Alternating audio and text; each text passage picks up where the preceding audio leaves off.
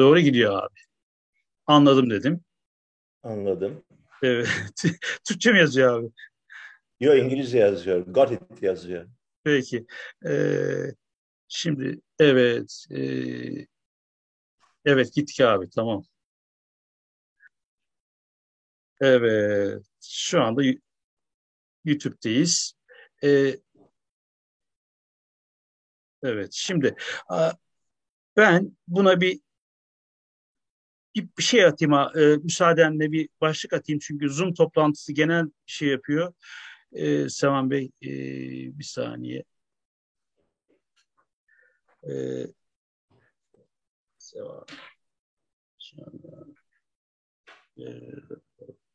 şey, dedik. E,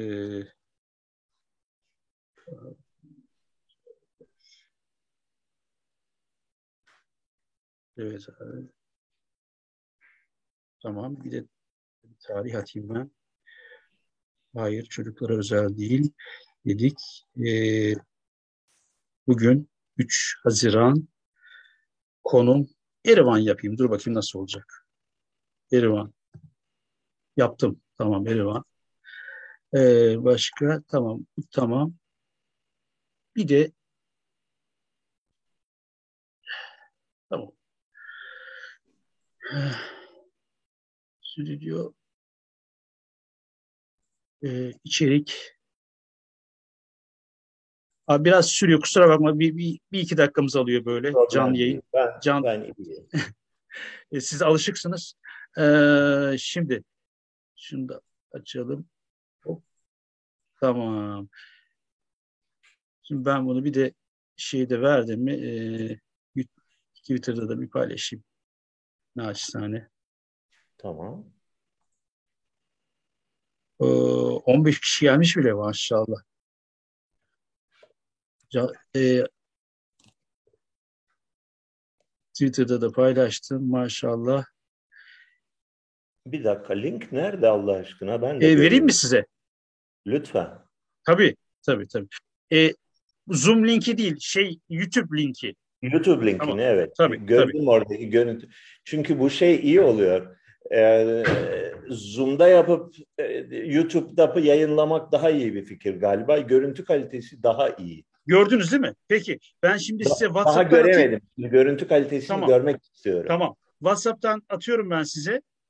Tamam. Şu anda attım. Tıklarsanız evet. ama sesi de kısalım çünkü yankılanabilir. YouTube'dan kısıp tamam. Zoom'dan devam edelim. Tabii tabii tabii. Tecrübelisiniz. Görebildiniz mi? Bir dakika, bir dakika. O kadar hızlı değil. tamam. ha, harika, tamam. harika, WhatsApp'tan harika. atıyorum ben size. Hı, tamam. Şu anda attım. Tıklarsanız. Bunun bir dakika. Ama sesi de kısalım. Tabii tabii sesini kıstım bile. Tamam. Şimdi. Heh. Oradan devam edebilirler, izleyebilirler. Peki, ha, e, başlayalım hadi. Başlayalım. Hazır mıyız? Hazırız. E, iç, iç, içeceğiniz falan aldınız. Almadım ya, unuttum. Abi alsan iyi olur. Ben ne olur ağzın kurur.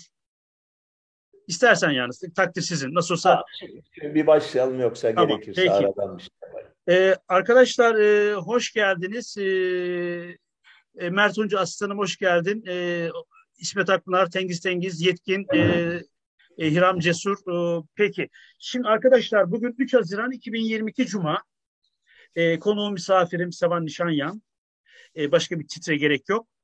E, şimdi bugün ne, geleneksel olarak ben röportajlarda bakıyorum Sevan Bey neye tekabül etti diye.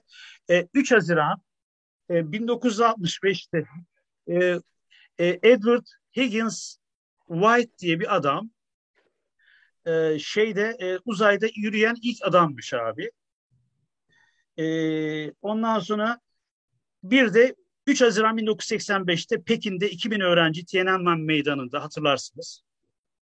Ee, öldü, öldürüldüğü söyleniyor. Ne kadar doğru bilmiyoruz. Ben hemen size soruyorum.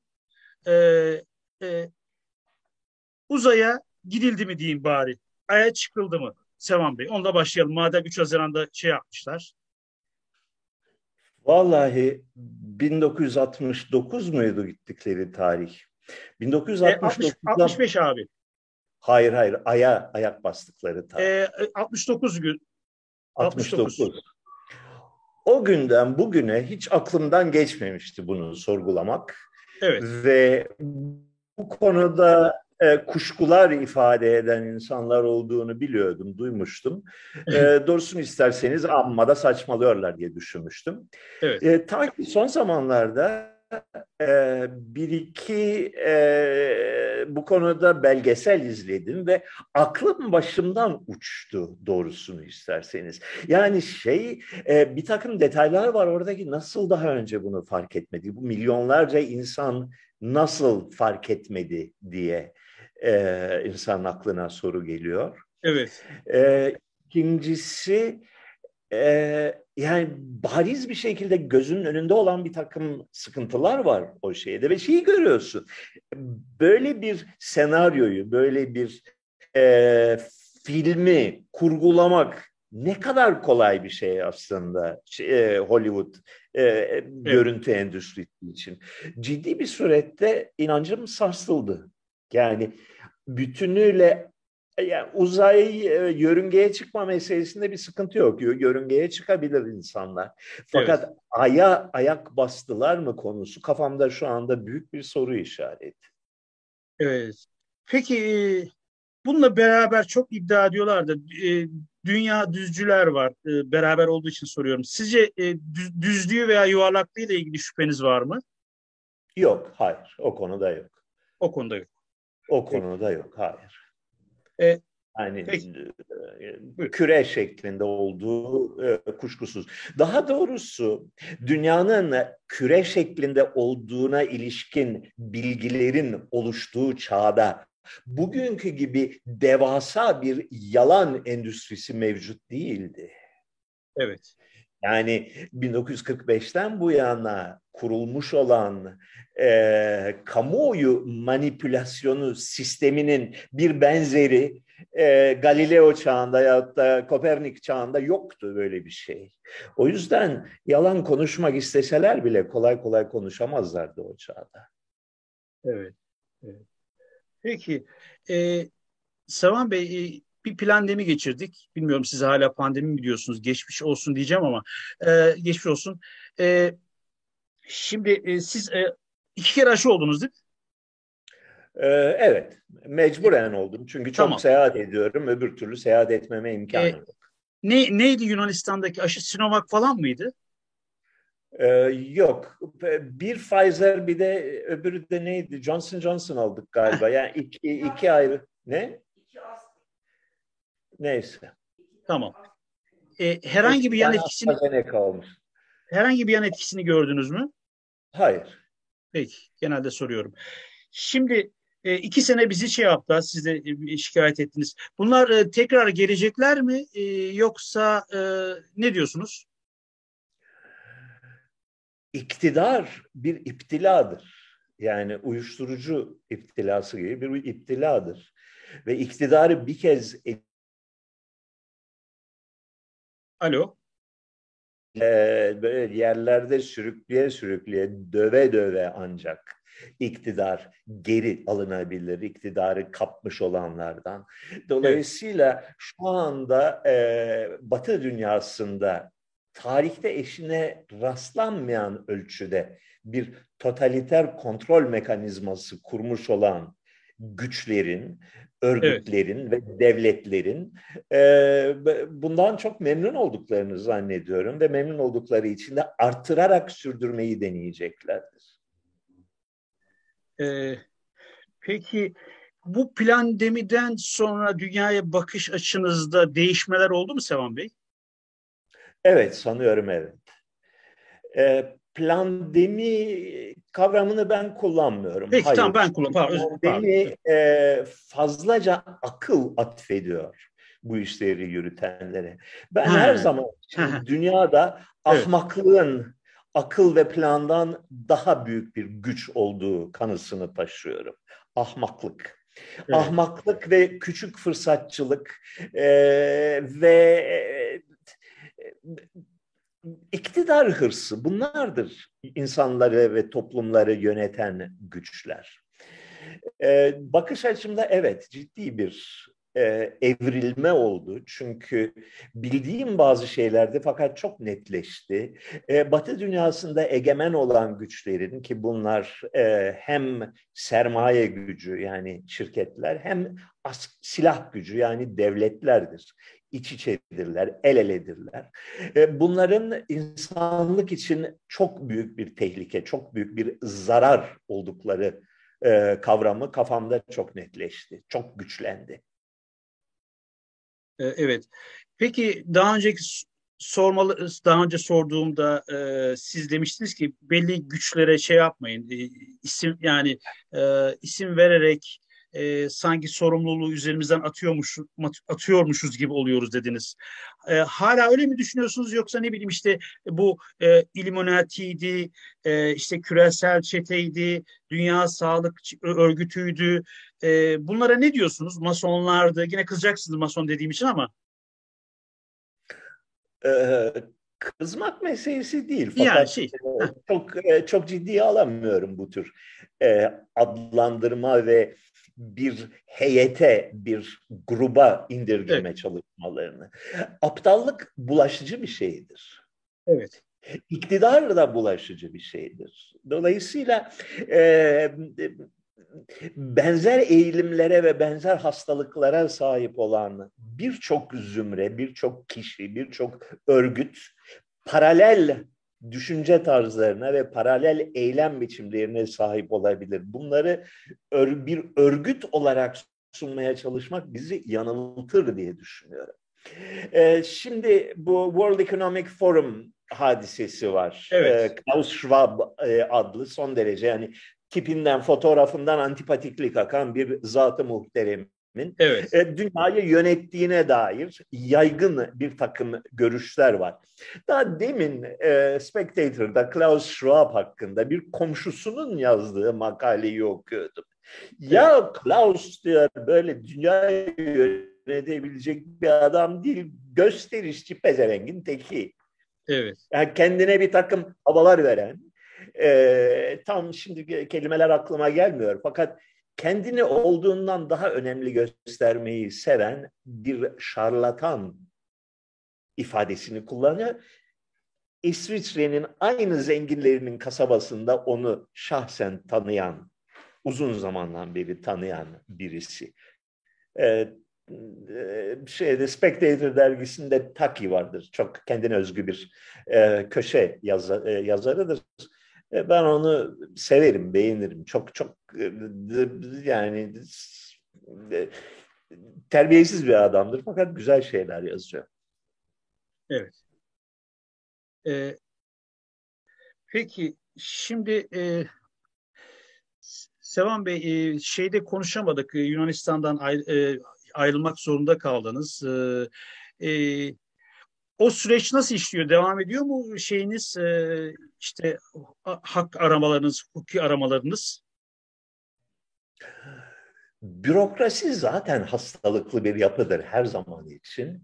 E, son yıllarda tamamıyla çığırından çıktığını görüyoruz. Bir ülkede değil, bütün ülkelerde. Yani bir e, toplu bir akıl tutulması, toplu bir e, iktidarı ele geçirip her ne bahasına olursa olsun onu rastgele kullanmaya kararlı e, örgüt ve grupların varlığı hadisesiyle karşı karşıya geliyoruz.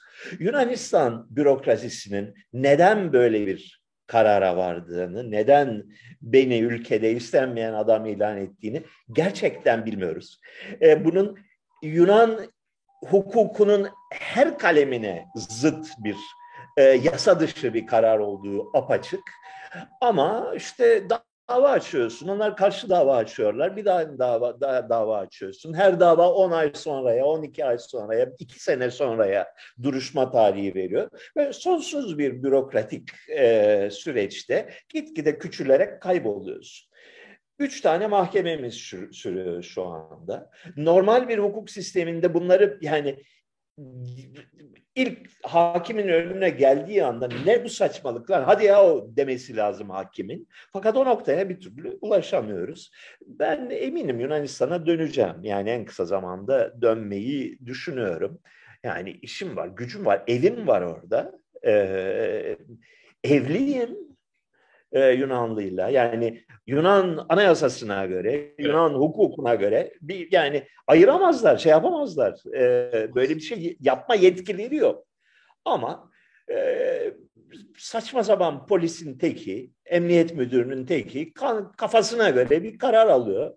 Niye aldığı belli değil, amacının ne olduğu belli değil ve hukuki dayanağının ne olduğu belli değil.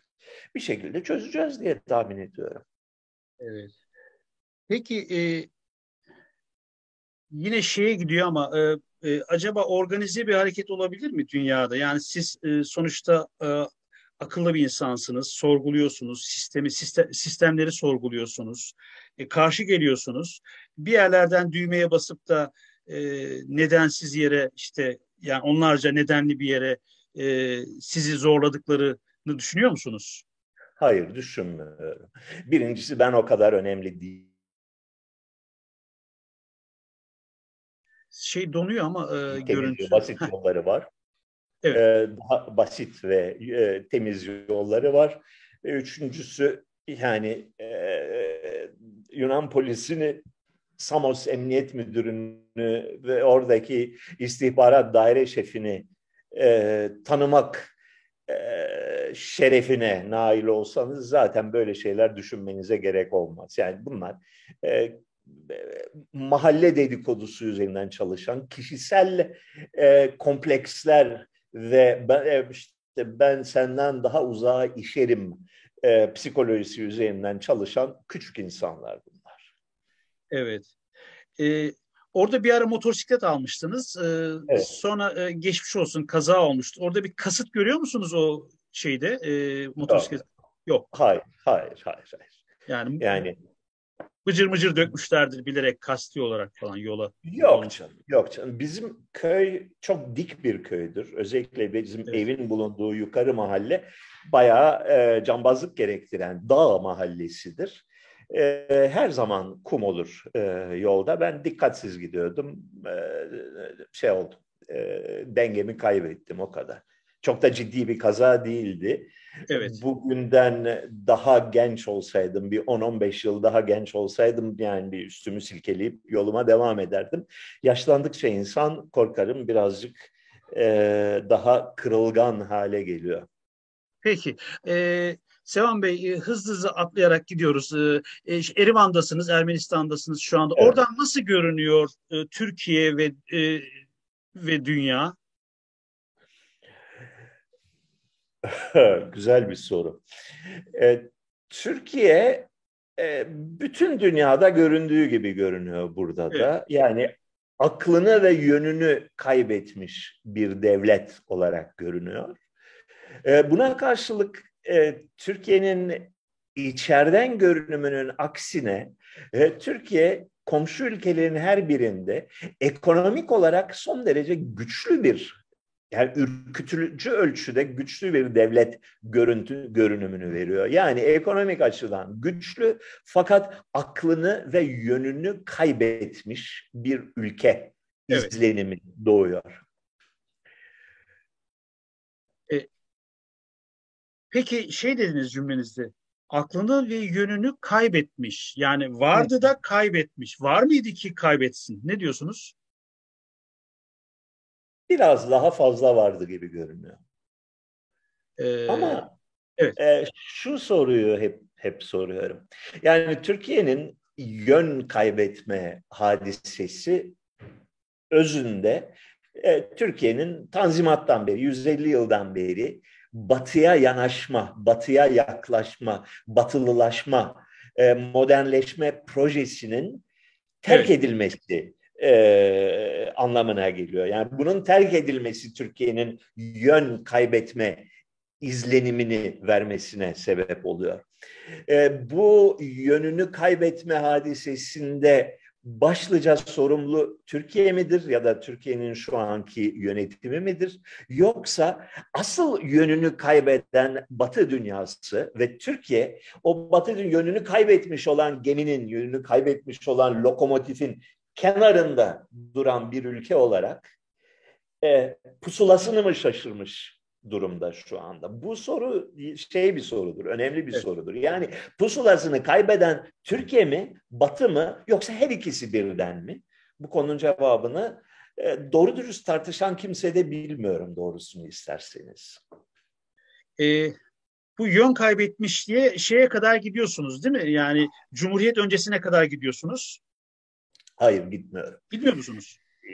Yani e, o kadar uzun perspektiften bakarsan dünyada herkes yönünü kaybetmiş. Evet. Yönünün doğru yönün ne olduğunu bilen kim var ki? E, Hazreti evet. Muhammed'den başka ve İsa'dan başka. E, yani toplumlar ve devletler el yordamıyla bir yerden bir yere gitmeye çalışırlar. Osmanlı Devleti e, Osmanlı Devleti ta 17. yüzyılda yıkılmaya hatta 16. yüzyılda yıkılmaya yüz tuttu. 19. yüzyıla geldiğinde tükenmişti yani kendi arazisini kontrol etmekten aciz bir e, devlet enkazı haline gelmişti.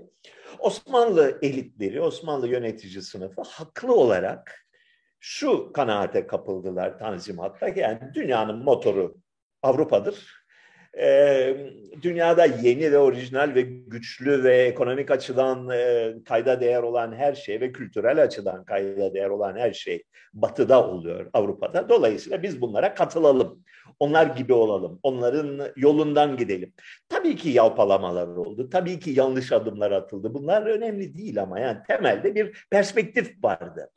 1830'lardan 1828'dir dönüm noktası. 1828'den 2013'e kadar. Yani bayağı böyle başını ve sonunu koyabiliyorsun. Türkiye Batı'yı kendisine norm, hedef, e, yol gösterici, pusula olarak kabul etti.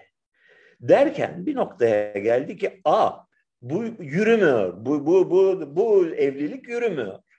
İki Batı azmış gitmiş yani Batı batılılığını kaybetmiş, öncülüğünü kaybetmiş. Ne yaptığı belirsiz bir e, saçmalama zincirine e, girmiş. E, Avrupa Birliği'ne katılma projesi vardı. Avrupa'dan bir tekme yedi Türkiye. Dolayısıyla Türkiye büyük bir e, manevi kriz içine girdi bunun sonucunda. Çünkü sen kutbunu kaybetmişsin. Kutbun kaybolmuş. E şimdi ne yapacaksın? O tarafa mı gideceksin? Bu tarafa mı gideceksin? Ne yapacaksın? Böyle bir noktaya geldi Türkiye. Ne yazık ki e, bu kritik noktada Türkiye'nin başında bulunan ekip belki de bu çapta bir krizi yönetebilecek kapasiteden yoksun bir ekipti. Dolayısıyla şu anda Türkiye biraz yalpalar durumda. Ee, Sevan Bey, Türkiye'yi şimdi yine diyeceksiniz güç e, üst başka güçlere atfediyorsun. Türkiye'yi sahiden e, iç dinamikler mi yönetiyor? E, dış şeyler mi yönetiyor? E, dinamikler veya kesimler, odaklar mı yönetiyor? Her ikisi birden. Her ikisi birden olmaması için hiçbir neden yok. Yani bu bir ak mı kara mı meselesi değil. Green'in e, düze, dereceleri meselesi. Evet. Ee, Türkiye 1950'lerden beri NATO üyesidir. NATO evet. öyle göründüğü gibi bir e, bir masum. dostluk ve kardeşlik ve masum bir e, askerler arası bir e, parti organizasyonu değildir. NATO evet. bir ülkeyi en küçük hücresine kadar işgal eden bir emperyalizmin 19. yüzyıl emperyalizminin 20. 20. yüzyılın ikinci yarısına uyarlanmış özel bir biçimidir. 1950'lerin ortasından itibaren Türkiye'de olan biten pek çok şey iç dinamiklerden ziyade NATO kontrolüyle e, anla, anlaşılabilecek ve anlatılabilecek bir şeydir. Bu kontrol de son 10 yılda e, çığırından çıktı biliyorsunuz. Yani evet. bir e, Fethullah Gülen hareketi, e, Ergenekon olay, olayları, e, Türkiye'nin e, NATO ile eklemlenen organlarının kendi aralarında çatışmaya girmesi ve 2016 sözde darbesi sonucunda Türkiye bu zincirin de kırılmasına, bu zincirin e, karma karışık olmasına, birbirine dolanmasına tanık oldu. Şu anda Türkiye'nin iç gelişmelerinin ne kadarı dışarıdan manipülasyon sonucudur, ne kadarı kendi iç güç dengelerinin eseridir, tam olarak bir cevap vermek çok zor bu soruya. Peki şimdi e, Sevan Bey, e, yani Türkiye'de hangi kimlikle olursan bu kliye, Türkiye'yi yöneten kliye yaranı, yaranıyorsun. Yani e, şimdi diyorlar ki işte Türk ve Sunni diyorlar. E, mesela şey için Türk ve Sunni sen problem yaşamazsın diyorlar. Ama sisteme dokunduğun zaman e, başlıyor problemler. Mesela e, ben de işte e, nüfus kağıdımda Türk ve Sunni diyor mesela. Ama şu anda Kemalizmi eleştirdiğim için hakkımda dört tane şikayet var.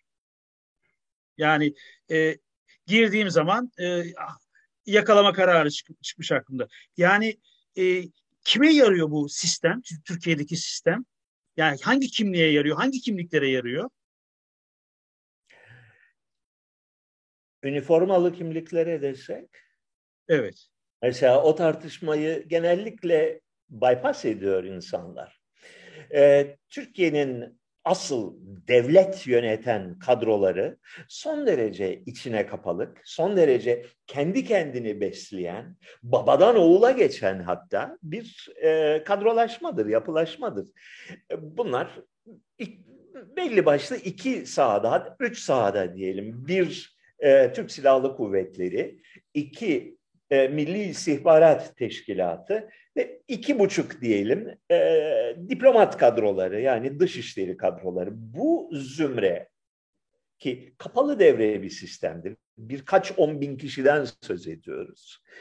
E, Türklük, Sünnilik ve ben avam kavramlarıyla yani evet. basit halkı ilgilendiren kavramlarla hareket eden insanlar değil. Son derece realist, son evet. derece e, kendi iktidarlarına karşı kıskanç, evet. ülkeyi kendilerinin yönetebileceği konusunda son derece kuvvetli bir fikre sahip olan bir zümredir. Bu zümre Cumhuriyet'in başından itibaren belli bir takım kadroları dışlamıştır. Gayrimüslimleri dışlamıştır. Gayrimüslimler evet. bu kadroya dahil olamaz. evet. Bu kadro tarafından düşman sayılırlar, dışlanırlar. Ee, sakallı ve Müslüm kesimi de bu kadroya dahil olamaz. Evet. E, bu daha şehirli, e, yeni kadrolarını, genç kadrolarını bir takım okullar vasıtasıyla e, devreye sokan, sıkı bir eğitimden e, geçiren ve bir kast niteliğine sahip olan, kapalı devre bir kast niteliğine sahip olan bir e, zümredir. Evet. Bunların yanı sıra, bunların dışında, onların dışladığı sahada Türkiye'de sermayeyi ve kamuoyunu yöneten bir zümre vardır. Bunlar daha ziyade İstanbulludur. Yani büyük sermaye sahipleri ve e, işte gazeteleri ve kısmen fikir hayatını ve sanat hayatını yöneten kadrolardır. Bunlar biraz daha farklı bir zümredir. Onları mesela devlet devletin iç dairelerini almazlar. Hı. Onlar devletin dış dairesinde gezerler. Zannettikleri kadar güçlü değildirler. Zannettikleri kadar güçlü değildirler. Ve o zümrede, bu ikinci halkada, bu dış halkada e, az da olsa gayrimüslimlerin de bir rolü vardır. Yani bir Yahudi, hatta ve hatta Ermeni kökenli birisi, Kürt kökenli birisi, bu zümre içinde yer alabilir. Mesela evet. Silahlı Kuvvetler, Milli İstihbarat Teşkilatı ve diplomasi çevresinde yer alamaz. Ama İstanbul'un sosyetik çevrelerinde yer alabilir ve belli, çok sınırlı aslında bir ağırlığa sahip olabilir. Bunu e, İslamcı kesimden gelenler fazla abartıyorlar. Bu zümreyi görüyorlar. Yani e, Türkiye'yi kim kim yönetiyor deyince akıllarına koç geliyor, masonlar geliyor, geliyor, Kavala geliyor. E, ne bileyim e, işte Alarko Holding geliyor. Heh, evet. Oysa ki onlar değil Türkiye'yi yöneten. Kim? Sevan onlar, Bey. onlar yedek lastik. Türkiye'yi yönetenler üniformalılardır. Devlet görevlileridir. E, askerlerdir. istihbarat kadrolarıdır ve e, dışişleri kadrolarıdır. Önemli kararları onlar alırlar. E, şey arasındaki kavga yani Türkiye'deki e, Müslüman avam kitlesi ile evet. e, işte o paralı ve kültürlü azınlık arasındaki kavga e, Karagöz Hacivat kavgasıdır biraz. Yani gölge kavgasıdır. Asıl kavga o değildir. Heh, evet. Asıl kavga o değildir. Asıl Burası önemli. Yöneten kadro e, bu, bu hadiselerin bir hayli üstünde olan e, üniformalı, devlet ideolojisi olarak Atatürkçülüğü seçmiş olan, yani evet. Atatürkçülük hala faydalı bir e, devlet tutkalı olduğuna inanan, e, gerçi bu inançları da kısmen sarsıldı da. Sarsıldı. e, özetle ayak takımı bizim işimize karışmasın diye özetlenebilecek bir dünya görüşüne sahip olan e, resmi kadrolardır. Şimdi mecburen Türkiye 1950 senesinde demokrasi denilen bir e, yönetim tarzını benimsemek zorunda kaldı.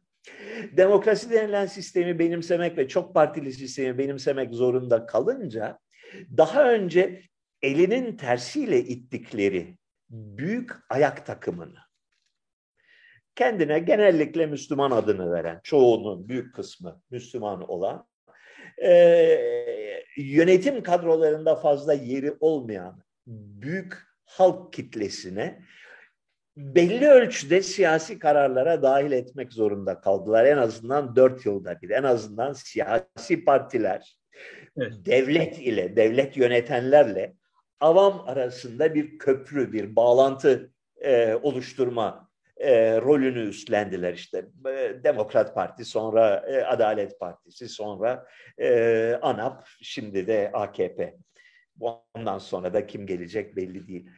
Bunlar bir e, Türkiye'nin geleneksel oligarşik devlet yönetimini, bürokratik ve oligarşik devlet yönetimini belli ölçülerde kamufle eden, belli ölçülerde, belli alanlarda halka bir takım tavizler veren bir aracı e, kurum işlevini üstlendiler.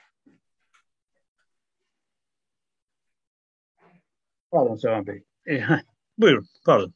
Aracı tamam, kurum dediniz. Toparladım zannediyorum. Ayrıca çok uzun konuşuyorum. Peki, yo, yo, yo, güzel konuşuyorsunuz. Ee, şey işte yani e, Alevi dışlanıyor, Kürt dışlanıyor, dediğimiz gibi şey dışlanıyor. E, e, fakat şey... Hiçbiri dışlanmıyor bunlar. Öyle mi? Hiçbiri dışlanmıyor. Hepsinin tanımlanmış sahaları var. Belli alanlarda. Heh, burada e, kal diyor yani. Yani sen kardeşim diyor şurada kal diyor. Şurada sen, kal. sen diyor. E, esnaflık ve küçük Esnaflık sanayicilikle ya. uğraş diyor. Tamam mı? Bunu, bunun dışına çıkma diyor. Bunun dışına çıkmadığın sürece sana dokunmayız diyor.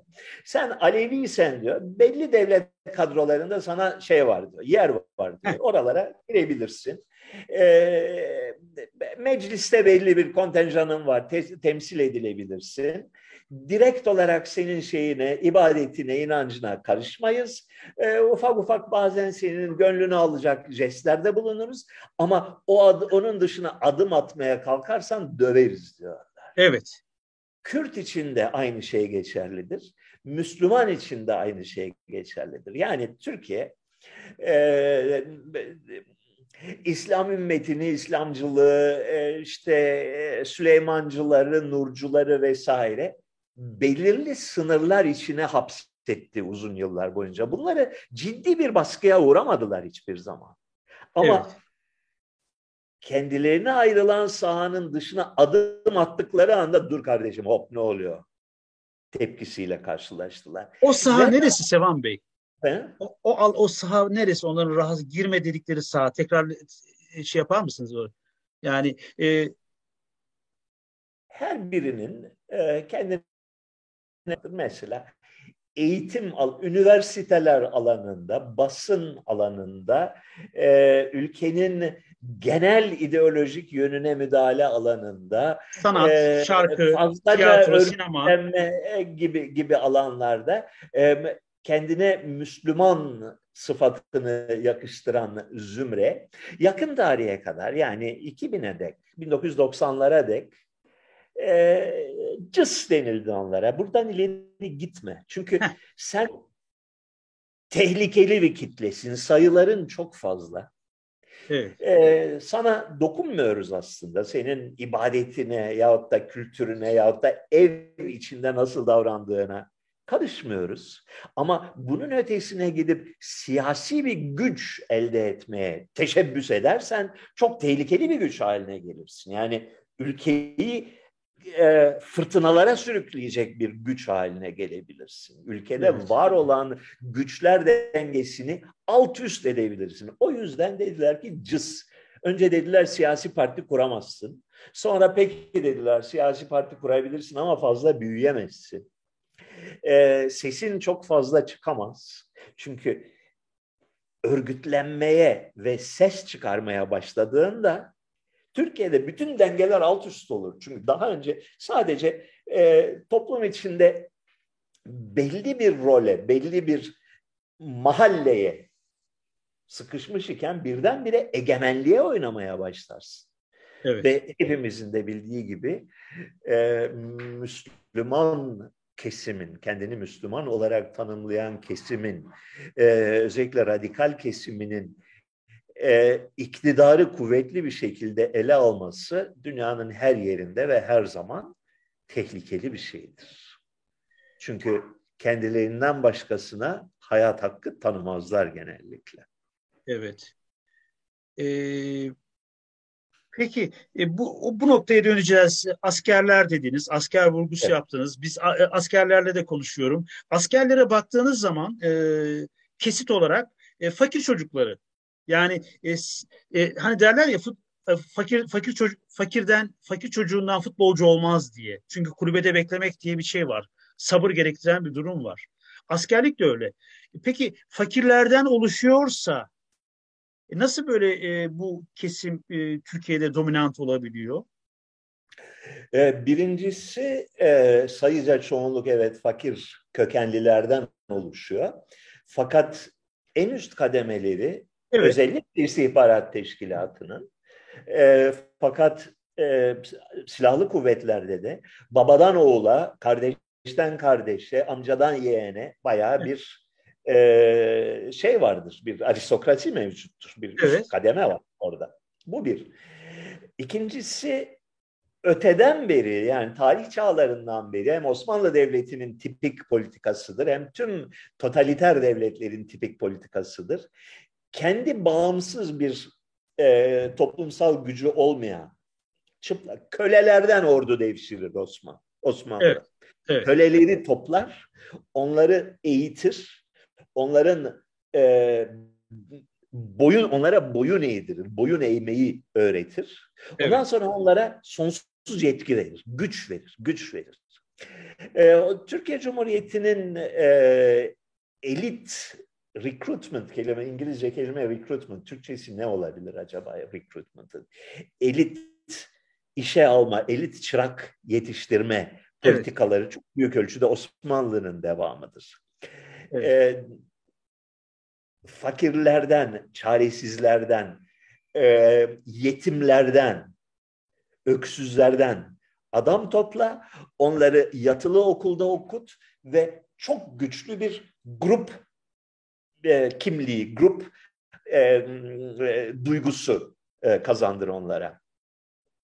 Bu, bu politikadır.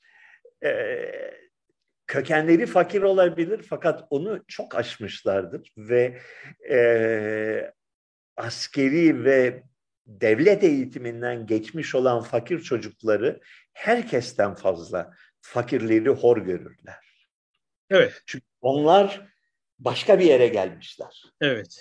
Gücü arkalarına almışlar, gücü ele almışlar. Ee, geride bıraktıkları dünya onların onlar için bir e, aşağılama konusudur, bir hor görme konusudur. Köylülerden nefret ederler. Evet. Sevan Bey yine e, şey e, Peki bir zümre söz konusu mu burada hakimiyet olarak e, işte TSK'nın içerisinde olsun, e, medyada olsun, işte sanatta olsun. Ben diyeceğim ki Sabatay diyeceğim. Böyle bir Sabatay hakimiyeti var mı? Yoksa bu bir Kesin, efsane mi? Kesinlikle yok. Tamamen bir efsane. Tamamen bir efsane. Yani şöyle bir gerçek var. Ee, 1912'den sonra Selanik'in e, Yahudiden dönme olan cemaati büyük sayılarla Türk İstanbul'a göç etti. Bunlar gerek ekonomik olarak, gerek kültür ve eğitim olarak, gerek Avrupa ile ilişkiler açısından Anadolu'nun yerlilerinden, İstanbul'un, Türkiye'nin yerlilerinden bir adım daha ilerideydiler. Dolayısıyla belli bir takım avantajlara kavuştular. Yani sen daha iyi eğitilmişsen, kendi aranda bir dayanışma hadisesi varsa toplumda seçkin yerlere gelirsin. İki alanda özellikle iş dünyasında bir hayli e, etkin konuma geldiler. İkincisi istihbarat teşkilatında bir hayli etkin bir konuma geldiler. Yani biliyorsunuz e, MIT uzun yıllar boyunca iki kadrodan oluşmaktaydı. Bir Çerkesler, bir e, Selanikliler. Böyle evet. bir e, şey vardı. Bugün hala öyle midir zannetmiyorum. Ama e, yani 20. yüzyıl boyunca böyle bir şey vardı. Yani 1920'ler, 30'lar, 40'lar Türkiye'sinde e, koyunun olmadığı yerde keçinin Abdurrahman Çelebi olması gibi Selaniklilerde belli bir e, etkinliğe, belli bir e, seçkinliğe kavuştular. Bugün bunun en ufak bir izini göremiyoruz. Yani Selaniklilik diye bir e, bir hadise kalmadı. Kendi aralarında bir e, bir dayanışma, bir örgütlenme kalmadı. Birçoğunu tanıyorum, şahıs olarak tanıyorum. Tamamıyla e, asimile olmuşlardı. Türk toplumunun tipik, Türk burjuvazisinin tipik birer üyesine dönüşmüşlerdir. Birçoğuyla konuştuğun zaman ha bizimkiler galiba Selanik dönmelerindendi ama galiba hiçbir şey bilmiyor. Kuşak bugün egemendir. Evet. Yani bir şey bilmiyorlar ki Selaniklilik yahut da e, Selanik dönmeliği hadisesi bir aktif bir güç olarak, bir örgütlenme ilkesi olarak e, etkinliğini kaybetmiştir bugün Türkiye'de. Kalmadı öyle bir şey. Yeni bir çağdayız. Başka bir döneme geçtik. Peki e, Sevan Bey bu şey e, e, Türkiye'yi tanımlarken diyorlar ya işte Türk yüzde 99'u yüzde 90'ı Müslüman bilmem ne falan derken bu bir şeyi perdelemek için mi söyleniyor? Tabii. Yani ya uygulama çok farklı dediğiniz gibi. Nasıl uygulama? Yani şey, uygulama. E, diyor ki işte Türk yüzde e, şu kadarı Türk işte yüzde doksanı Müslüman çoğunluğu Müslüman mülk ediyorsun. Uygulama derken yani kurumlara baktığın zaman bunlar çok az. Kuruma yansıması çok az. Yani kurumlara işte TSK'ya olsun bilmem ne olsun. Bildiğim kadarıyla kurumlarda da her yerde de Türkiye'de Türk ve Müslüman olanların bir egemenliği vardır. Onlar yönetiyor ülkeyi. Evet. Değil ee, mi? Şimdi e, Müslüman kelimesini muhtemelen bir iki, iki ayrı anlamda kullanıyoruz burada. E, Türkiye'de Cumhuriyet döneminde tanımlanan Türk ulusal kimliği ki buna bir tür sulandırılmış Müslümanlık da dahildir. Evet. Bu e, son derece melez bir geçmişten gelen bir imparatorluk geçmişinden gelen, kendi içinde çok fazla bölünmeleri olan bir toplumda bir e, insicam yaratmak için, bir e, birliktelik, bir ulus duygusu yaratılmak evet. için şişirildikçe şişirildi. Böyle hani bisiklet lastiğine pompayı dayarsın, pompaladıkça evet, evet. pompalarsın. Bu şekilde şişirildi. Evet. Ee, Türkiye'yi gerçekten yöneten kadrolar açısından bu şişirilen şey e, büyük ölçüde bir gösteriydi. Bir yani ne ölçüde bunu ciddiye aldılar onlar bilmiyorum ama halkı bir arada tutmak için. Yani şunu unutmayın. 20. yüzyıl başında Türkiye toplumunun çok büyük bir kesimi, özellikle birazcık seçkin konumda olan e, kesimlerin çok büyük bir bölümü e, 93 Harbi'nden sonra Türkiye'ye gelmiş olan e, göçmenler göçmenlerdi. Yani bir e, Kafkasyalılar, iki e, Rumelililer evet. e, vesaire. Yani devasa rakamlar geldi. Yani ülke nüfusunun önemli bir kısmını özellikle ülkenin batı kesiminin nüfusunun önemli bir kesimini oluşturan insanlardı bunlar. Ee, yakın tarihte, yakın geçmişte bir iki kuşak içinde Müslümanlığı zorla benimsemiş olan çok sayıda gayrimüslim kökenli vardı. Bütün bunları bir araya nasıl getireceksin? Yani evet. bir, bir hikaye anlatmak ve buna inanmalarını sağlamak gerekiyor. Dediğim gibi şeye ben katılmıyorum. Müslümanların dışlandığı e, iddiasına hiçbir şekilde katılmıyorum. Yani bariz bir şekilde ülkeyi yönetenler Müslüman. Hepsi de. Hepsi istisnasız. Hocam, ee, e, Sevan Bey. Müslümanlığı siyasi bir proje olarak benimseyen ve bu yönde fazlaca güç kazanmaya yani örgütlü ve ideolojik güç kazanmaya eğilimli olan kesimlere genellikle dur denildi. Sınırlar var. Bu sınırları aştığın zaman ülkenin şeyi bozulur, terazisi bozulur denildi. Evet. Sevan Bey senelerce Dışişleri Bakanlığı'nda Müslüman göremedik mesela. Ee, İhsan Sabit Çağlayangil e, şey miydi, Müslüman değil miydi? Ee, Nevzat Yalçıntaşlar bunlar bir tuhaf bir Müslümanlar. Burada Exeter Üniversitesi'nden geçmiş kişilerdi. Exeter Üniversitesi'nden geçince Müslümanlığı kalkıyor mu? Yani sünnetleri şey iptal mi oluyor? Ee, şey, e, bu, biliyorsunuz e, Orta Doğu'ya e, spy yetiştiren bir üniversite İngiltere'de. Yani çoğunlukla. E, bir anda artık o Ekmelettin İhsanoğlu mesela e, artık nasıl söyleyeyim e, samimiyet kalkıyor e, Abdullah Gül gibi. Yani şey oluyor artık bir proje adam oluyor. Adamın adı Abdullah. Bir... Adamın adı e, Ekmelettin. E, bunlar e, bunlar Müslüman isimleri benim bildiğim. Lawrence. Lo, lo, Arab, pardon, Arab, Arabian Lawrence. Peki. E, Lawrence yani Türkiye'de Dışişleri Bakanlığı mı yaptı anlamadım. Yok şey ha. gibi e, görünüşte Müslüman neyse tamam. Görünüşte Müslüman ama uygulamada farklı. Bu bunlar yeni yeni Abdullahlar falan. Eskilerden bahs eski dışları eski dışları e, işte elçiler, e, elçiler, konsoloslar falan falan. Neyse bunu şey yaptık. E, Sevan Bey e, hep şeyden bahsedilir. E, Ermeni tehcirinden bahsedilir. E, evet. İttihat ve Terakki'den bahsedilir. Son zamanlarda biz e, şunu fark et, şu, şunu şu şu şey yapılıyor, öne sürülüyor. İttihat ve Terakki, Jön, Jön Türkler e, ayrı bir suç işlediler. Bir suç işlediler. Bizim yani biz işte ana, Türkiye'lilerin, Türklerin bununla bir ilgisi yok. Bu bu suçu bunlar işledi. Bu Jön Türkler işledi. Bu suç makinesi işledi. Ne diyorsunuz? Saçma diyorum. Öyle mi? Ee, evet. Şimdi e, şunu e, kabul etmek lazım. Birincisi e, Ermeni soykırımı projesini ilk başlatan Sultan Abdülhamit Han'dır. Hmm. 1894-95'te.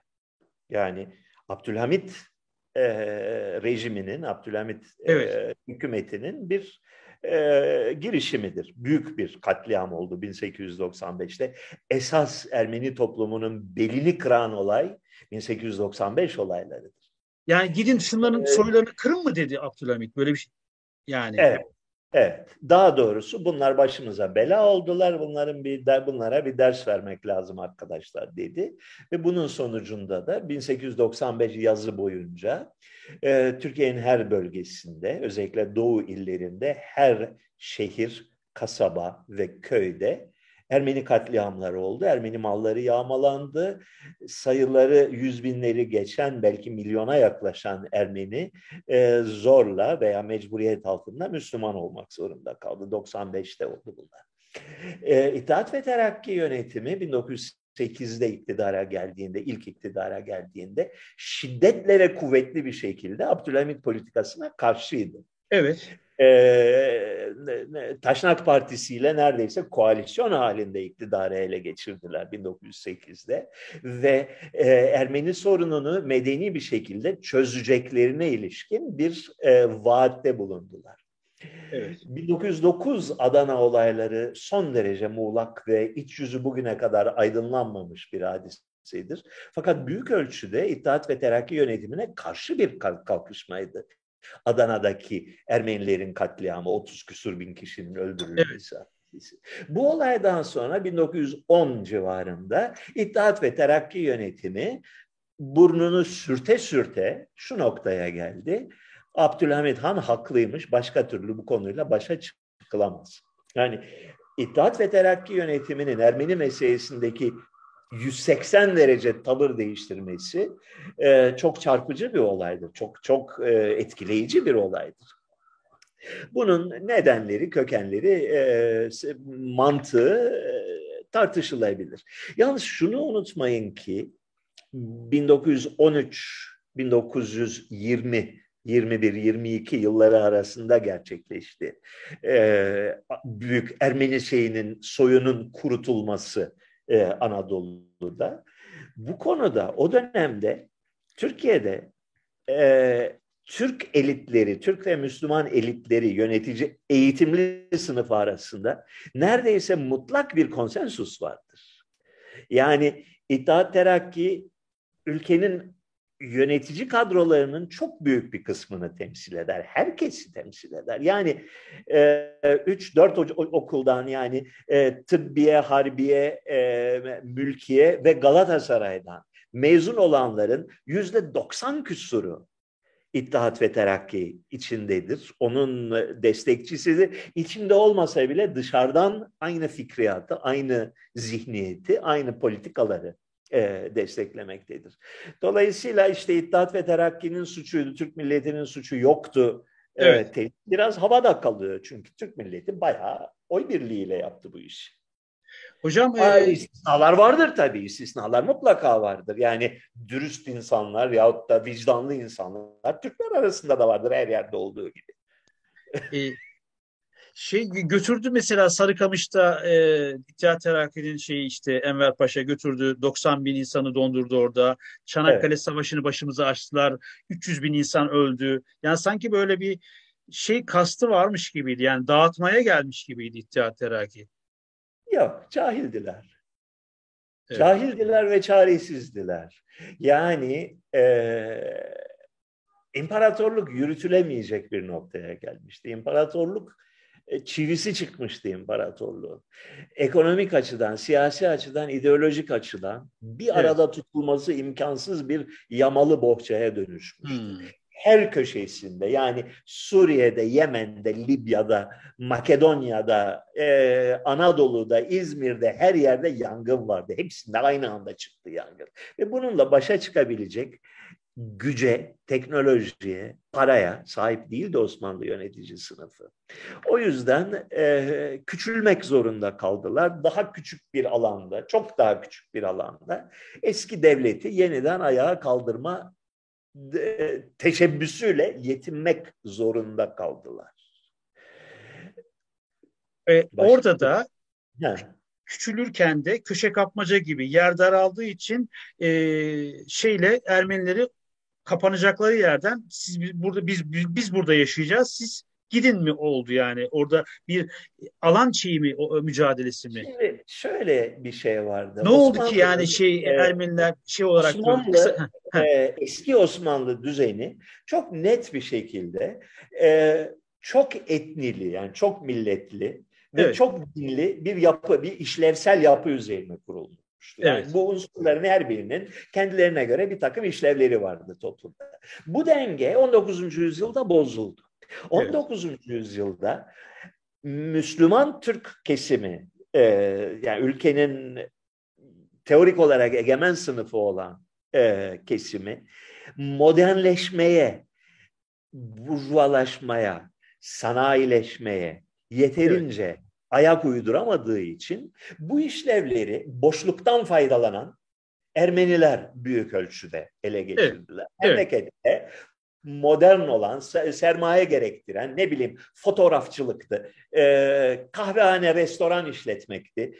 Çağdaş olan yani geleneksel Osmanlı toplumunda var olmayan yeni davranış ve yaşam biçimlerini Ermeniler öne çıkardılar. Dolayısıyla büyük bir çıkmazla karşı karşıya kaldı Osmanlı Devleti. Ya, ya Ermeniler ülkenin yönetici sınıfı olacaklar, egemen sınıfı haline gelecekler.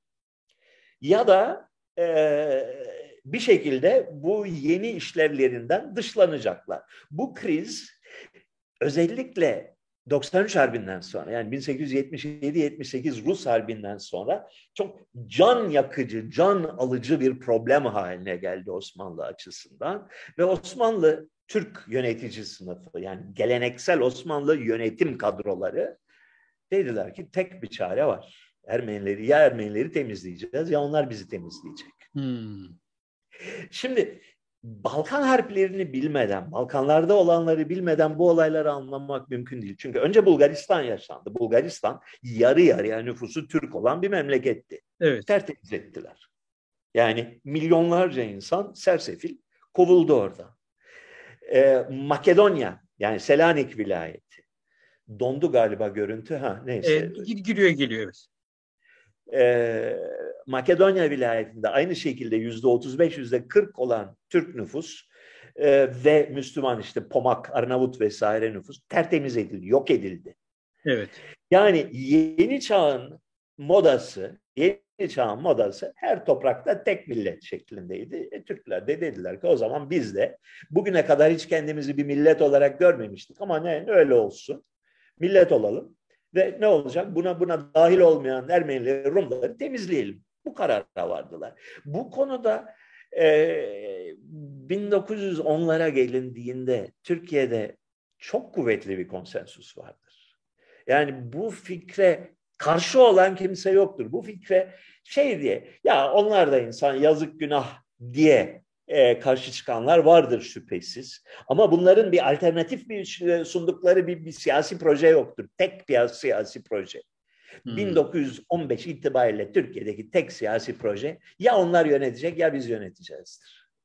Hmm. Dolayısıyla da o adımları atma, atmışlardır. Ee, Sarıkamış'a gelince e, yani 1913'te iktidarı ele, ele geçiren Enver Paşa kadroları memlekete yepyeni bir e, şey, bir dinamizm, bir kalkınma, bir yenilik, yeni bir çağ açma iddiasındaydılar. E, bunun için gayrimüslim nüfusun arındırılması gerektiğini farkındaydılar. Yani ilk iktidara geldikleri 15 yani Ocak 1913 tarihinden itibaren başlar. E, önce kültürel sahada e, soykırım yani e, Rumca, Bulgarca, Ermenice yer adlarının düzeltilmesi, Türklüğün yüceltilmesi, tarihin yeniden yazılması falan bunlar hepsi soykırımın ön adımlarıdır. Evet. E, ve şeyi gördüler yani İngiltere ve Fransa ile Osmanlı Devleti'nin geleneksel ittifakı ciddi bir değişime imkan tanımıyor. Ciddi bir değişim için yeni güç, alternatif güç olan Almanya ile ittifak etmeleri lazım. Savaş bir fırsattır. Bu fırsata e, gireceğiz. Ve fırsatın ilk bedeli, bedeli Almanlar da yaptı. Abi Almanlar ses bir, da yaptı. Bir ara gitti. E, fırsatın ilk bedeli dediniz orada kaldı. Dondu. Fırsatın ilk bedeli Sarıkamış idi. Ha. Sarıkamış'ı Almanlar da yaptılar. Sarıkamış'ı Osmanlı'dan Almanlar e, ödedikleri ne bileyim 10 milyon e, altın liralık şeyin askeri yardımın bedeli olarak nasıl bugün Ukrayna'ya dayatıyor Amerika aynı şekilde Almanlar e, Osmanlı Devleti'ne dediler ki Rusları Kafkasya'da oyalamak zorundasınız yoksa Polonya'da Ruslar bizi yeniyor. Hmm. Ee, Hazırlıksız gö- gönderilmiş ama işte yazlık şeylerle kıyafet. Bir kasıt var mı? Evet. Enver Paşa kasıtlı olarak mı diyebilir miyiz? Ve e, kibir hadisesidir hmm. Sarıkamış. E, yani e, 100 bin kişiyi organize etmek kolay bir iş değil. Tecrübe isteyen bir iştir. Evet. Organizasyon isteyen, altyapı isteyen bir iştir. Yani size deseler ki dün e, yüzbaşıydın, şimdi general yaptık seni. Al sana Osmanlı orduları, 100 bin kişiyi sal bakalım Rusların üstüne ders, deseler birileri. Siz evet. de aynı hataları yaparsınız, ben de aynı hataları yaparım. Çünkü bir organizasyon öyle kolay bir şey değil. Büyük, büyük yani lojistiği var, şusu var, busu var. Artı Sarıkamış'taki, ben Sarıkamış hadisesini çok yakından, o bütün ayrıntılarıyla okudum. Bütün hatıratı falan da okudum. Sarıkamış'ta çok riskli bir operasyona girdi Enver Paşa. Evet. Eğer başarılı olsaydı yani Allahu Ekber dağları üzerinden aşıp Rusları arkadan vurmayı, Sarıkamış'ı arkadan vurmayı başarsaydı muhtemelen askeri tarih kitaplarına adı geçerdi. Büyük askeri dehalardan biri olarak. Zar attı ve zar ters geldi. He. Evet. Ha, bunun içinde şimdi sonradan baktığın zaman, e, geriye baktığın zaman vay aptal vay diyorsun. Yani düşünemedin mi bu işi organize edemeyeceğini? Ama bir de kendini onun yerine koy. Evet. Çünkü karşında dünyanın en kalabalık, en güçlü ordularından biri var. Ve bunlar Sarıkamış'tan saldırıya geçecekler. Erzurum'a girecekler. Son iki savaşta her ikisinde de Osmanlı ordusunu darmadağın edip girmişlerse Erzurum'a. Evet. Yani 78'de de 28'de de 56'da da 3 savaşta bu işi yapmışlar. Tekrar aynı hadise olacak. Şimdi bunu elimdeki kısıtlı imkanlarla çok hızlı bir şekilde Alman dostlarımız da memnun edecek şekilde nasıl engellerim? Bunun için çok e, riskli ve radikal bir politika izlemesi lazım. Hmm. Evet. İzledi ve şansına. Yani Allah'ın 30 Aralık tarihinde sen Erzurum'un Kars'ın dağ, Sarıkamış'ın dağlarında 2100 metre irtifadan ordu geçirmeye çalışıyoruz. Evet. Kar yağar. Nitekim o gün kar fırtınası tutmuş. Evet. E, 90 bin kişi değildir gerçek rakam da e, 40 küsur bin kişi orada donarak ölmüş. İnanılmaz bir rakam. İnanılmaz bir olay. Peki bu konuyla ilgili son olarak e, şeyle Ermeni tehciriyle ilgili işte soykırımı ile ilgili e, Sevan Bey e, imparatorluk daraldı yerimiz dar artık oynayamıyoruz.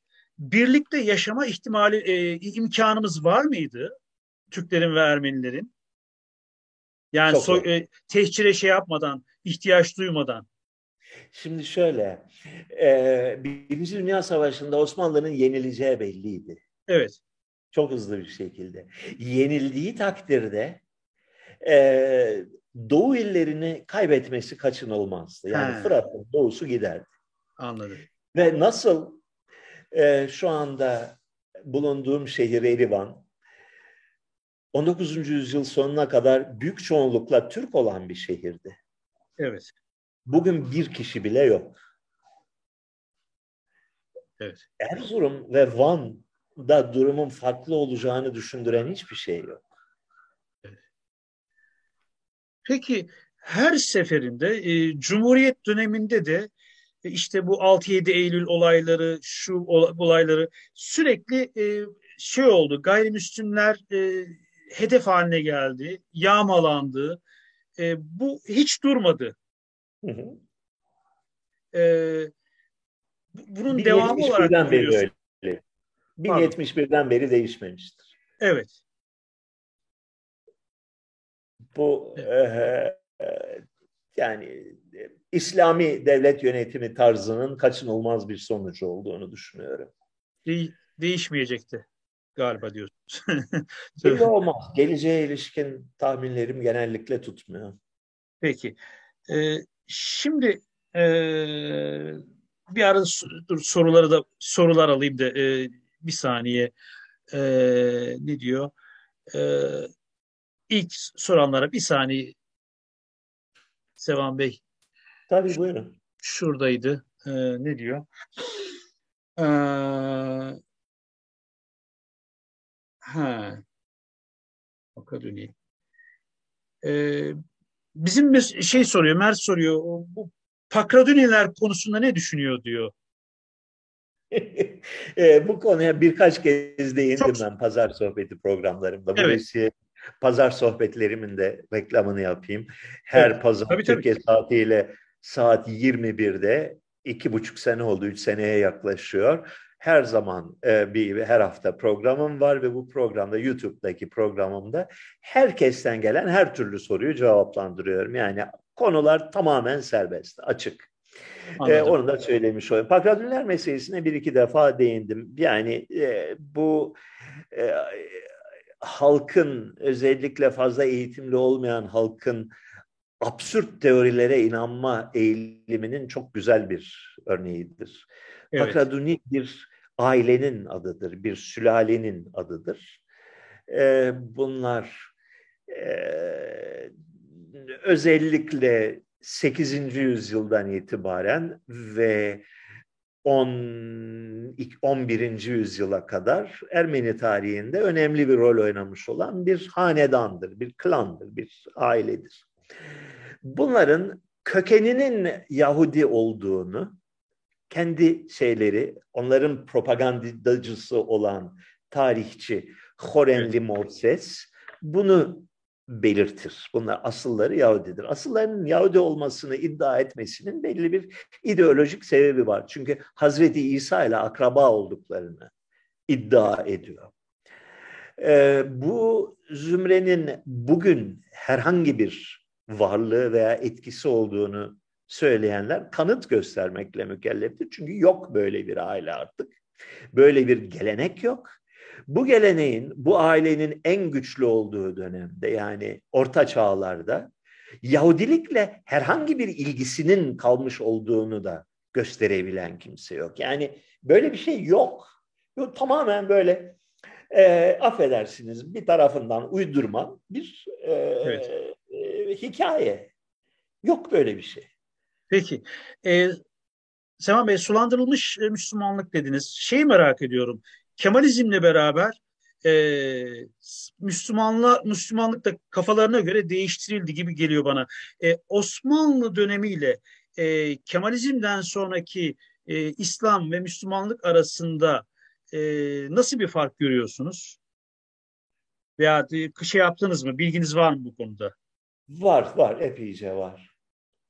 Osmanlı Devleti'nde Müslüman dini son derece belirgin bir elit eğilimine sahip olan bir din, bir yönetici sınıf diniydi. Evet. Halk cahildir. Dolayısıyla yeterince Müslüman değildir. Buna karşılık uzmanlar, okumuş olanlar, üç dili iyi bilenler, Müslümanlığın özünü tanımlamakla mükelleftirler. Yönetici sınıfın bir diniydi her zaman. Ve özellikle bu 19. yüzyıla doğru gitgide daha elitist, gitgide daha e, aristokrat bir tını kazanır e, Müslümanlık. Evet. E, o zümre yani Osmanlı elit zümresi yani yüzyıllar boyunca Osmanlı Müslümanlığını tanımlamış olan Osmanlı Müslümanlığının özü olan zümre çoğu zaman aynı ailelerde aynı e, ulema sınıfının çocukları vasıtasıyla Cumhuriyet ideolojisinin kurucu evet. babaları haline geldiler. Yani Cumhuriyet'in ideolojisini, düşünce tarzını, laikliği, batılılaşma fikrini oluşturan aydın kesimin çoğunun babası, dedesi, büyük dedesi Şeyhülislam'dır. Ee,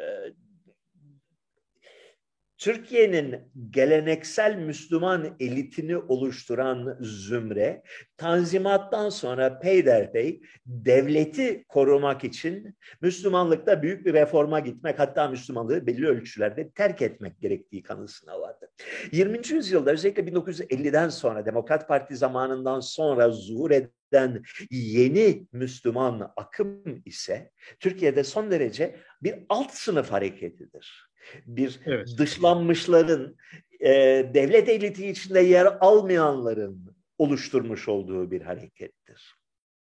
Ve gitgide artan bir ölçüde de e, örgütleyen ve onların sesi olan bir hareket haline gelmiştir. Müslümanlık tarihinde böyle bir şey yoktur. Yani 21. yüzyıl Müslümanlığı yalnız Türkiye'de değil, İran'da başladı bu, Mısır'da başladı. Mısır İran'dan sonra Türkiye'de sirayet etti. Bütün bu yerlerdeki yeni Müslümanlık, 20. ve 21. yüzyıl Müslümanlığı, Müslümanlığın 1400 yıllık geleneğinden ve geçmişinden büyük bir kopuşu temsil ederler. Büyük bir kopuşu temsil eder. Yepyeni bir hareketle karşı karşıyayız. Bir avam hareketi olarak, bir proleter hareketi olarak, bir dışlanmışlar ve ezilmişler hareketi olarak Müslümanlık İslam'ın 1400 senelik tarihinde benzeri olmayan bir hadisedir. Unutmayın ki Osmanlı Devleti 19. yüzyıla gelinceye kadar yüzde 50 oranında gayrimüslimden oluşan bir toplumdu. Evet. Ve hiyerarşi son derece belliydi. Müslümanlar yönetici, e, gayrimüslimler yönetilen sınıf. Milleti hakime, milleti mahkume. Sen milleti hakimeden yola çıkıyorsun bir ideoloji, evet. bir din olarak ve bugün geldiğin noktada mazlumlar hareketi olduğu e, evet. kanısına varıyorsun. Bunun nasıl büyük bir devrim olduğunu, bunun nasıl büyük bir değişim olduğunu insanlar yeterince algılayamıyorlar zannediyorum. Başka bir hadiseden söz ediyoruz bugünkü. Müslümanlıkta. Hatta evet. elbette ki bugünkü Müslümanlık işte Hazreti Muhammed'de ya da hicret zamanındaki Arabistan'da kendine bir takım ideolojik dayanaklar, bir takım emsaller yani onlar da bizim gibiydi gibisinden öyküler bulacaklar. Yalnız bakarsanız İslam'ın ilk günlerinden itibaren yani Kureyş e, e, aşiret kabilesinden itibaren İslam her zaman bir aristokrat hareketi olmuş, bir yönetici sınıfı hareketi olmuş egemen sınıfın bir kesiminin diğer kesimini açtığı bir savaşla doğmuş ve ondan sonraki döneme bakıyorsun yani dört halife dönemine e, Emevilere, Abbasilere bakıyorsun. Tüm öyle bütün sözü geçen herkes, sözü geçen herkes eski aşiretlerden, eski yönetici sınıftan, Arap aristokrasisinden donduk. Abbas ailesi de öyledir. Aristokrat ailelerdir. Sevan Bey e, dediğiniz gibi üst seviyeden e, Kemalizm'den sonra, Cumhuriyet'ten sonra bir öcü haline getirildi. Bir e, korku unsuru, korku sopası haline getirildi İslam Türkiye'de. E, e, bunun sebebini şeye mi bağlıyoruz? e, yani Cumhuriyete mi, Kemalizme bunu e, İslam ikiye bölündü. İslam ikiye bölündü. Evet. Bir yandan eski elit İslam'ı, eski devletin devlete yüzlerce Şeyhülislam ve kazasker yetiştirmiş olan evet. ulema sınıfı birdenbire e, mülkiyede ve hukuk fakültesinde hoca haline geldi. Evet. Ve Kemalizm e, kisvesi altında, Kemalizm çerçevesi altında e, öncelikle devleti ve devletin egemen düzenini savunma derdine düştü. Bunun için İslam'ın geleneksel temalarından ve renklerinin bir kesiminden vazgeçmek gerektiği kanısına vardı. Fakat sonuç olarak bir İslam hareketiydi. Yani Cumhuriyet'in biliyorsunuz Türkiye'deki temel tasarrufu en önemli kalıcı yani 300 sene sonra da hala değişmeyecek olan tasarrufu Türkiye'deki gayrimüslim unsurların tasfiyesidir. Cumhuriyet iktidara gelir gelmez ilk iş olarak bir buçuk milyon Rum'u sınır dışı etti. Evet. Ve öldürülmüş ve sınır dışı edilmiş olan bir buçuk iki milyon Ermeninin de geri dönmesini önlemek için elinden geleni yaptı. Kalan artıkları da temizleme çabasına girmişti. Yani bir e, Müslümanlaştırma hareketiydi. Türkiye'nin yüzde 99 Müslüman olması Cumhuriyet'in eseridir. İttihat hmm. ve Terakki ve Cumhuriyet'in eseridir. Evet. De, demek ki İslam'ın bir kanadı, elit kanadı gitgide e, arındırılmış bir tanzimat zihniyetine veya felsefesine doğru yöneldi. Buna karşılık Anadolu'da, Anadolu'nun alt tabakalarında, Anadolu'nun kasabalarında önce e, işte e, ne bileyim e, Said Nursi olsun, Süleymancılık hareketi olsun, Anadolu'nun e, ne bileyim Menemen'deki ayaklanma olsun, Nakşibendilik olsun bunlar e, devletten dışlanan, devletin elit zümrelerinden dışlanan kesimin biz de varız ve biz sizden daha Müslümanız deme iddiasının e, ürünü olan bir hareket başlattılar. Örgütlendi bu hareket. Bu, bu hareketin içinde dış faktörler de vardır. Yani Arabistan'la ilişkiler de vardır. E, İhvan-ı Müslim'in hareketi vardır. 1970'lerde İran etkisi vardır. 1980'lerde Suudi Arabistan etkisi vardır. Yani bir başka bir İslam mı örgütlendi Türkiye'de. İki ayrı İslami hareket ortaya çıktı. Ben e, Kemal Hareketi'nin de bir İslami hareket olduğunu düşünüyorum. Başka bir anlamda e, anti-Kemalist halk hareketinin de bir İslami hareket olduğunu düşünüyorum. Unutmayın ki ikisinin de liderinin adı aynıdır. İkisi de Mustafa'dır. E, bu kime hizmet ediyor? İki ayrı şey. E, iki ayrı e, kesim. Anti-Kemalist iki Mustafa. Sonuçta sisteme hizmet ediyor değil mi? Sistemin devamını sağlıyor. Ha, yani illa birisine hizmet etmesi mi lazım? Ee, yani kavga var ortada ya. Bir, yani çıkar ayrışması var. Evet. Bir tarafta e, var olan bir iktidar düzeyini savunmaya çalışan bir yönetici kadro var. Diğer yanda o iktidar düzeyini kırmaya ve orada pozisyon kapmaya çalışan yeni e, yeni palazlanmış, yeni köylülükten çıkıp e, şehirli olmaya heveslenmiş olan geniş büyük bir halk kitlesi var. Bunların ikisi arasında bir çatışma olması kaçınılmazdır. E, en, en son konuşmamızdan dört sene önce, e, dört sene önce de sormuştum. E, buyurun. Şey, buyurun. Buyurun. Şey yap, bekleyebilirim. Bir şey mi diyor? Hayır hayır. Hayır, ha, tamam. 5816 Mustafa Kemal Hak'tan Koruma Kanunu hala kaldırılmadı. Sistem bunun arkasına mı saklı e, Sevan Bey? Onu kaldırdığınız zaman sistemi de sistem e, çökmüş mü olur veya e, yalpalanmış mı olur? 5816. Sembolik bu olaydır. Türk devleti her her koşulda e, yani çevir kazı yanmasın öyle olmadı böyle olsun diye yollar bulur. Yani evet. eskiden de bil, hatırlar mısınız bilmem Türk Ceza Kanunu 163. maddesi evet. kaldırılırsa devlet yıkılır e, korkusu vardı. Kaldırıldı hiçbir şey olmadı. Onun yerine başka kanun çıkardılar daha ağırını 141 142 141 142 vardı falan kaldırıldı. Daha evet, ağır iş yapıldı. Yani e, sonuç olarak devletin elinde yani mahkemeler tamamıyla siyasi e, iktidarın elinde olduktan sonra istediği gibi oynar e, hadiseyle. E, şeyin e, Atatürk'ü koruma kanunu çağ dışı kalmış bir kanundur. Günümüzün e, ihtiyaçlarına ve ön yargılarına uymayan bir kanundur. Çoktan kaldırılmış olması gerekirdi. Fakat bürokratik atalet vardır Türkiye'de, beceriksizlik vardır. E, adım atmaktan korkma hadisesi vardır. Korkuyorlar. E, yani e, taviz verirse, elimizi verirsek kolumuzu kaparlar diye korkuyorlar. İşin özeti budur. E, Sevan Bey, e, Şimdi e, şeyden bahsettik, tehcirlerden, soykırımlardan bahsettik. De, e, Mustafa Kemal'in Dersim operasyonu e, Alevilere yönelik bir katliam mıydı? Ee, hayır. Yani Alevi Kürtlere. Devletin devletin söz diş geçiremediği kesimlere yönelik bir katliamdı.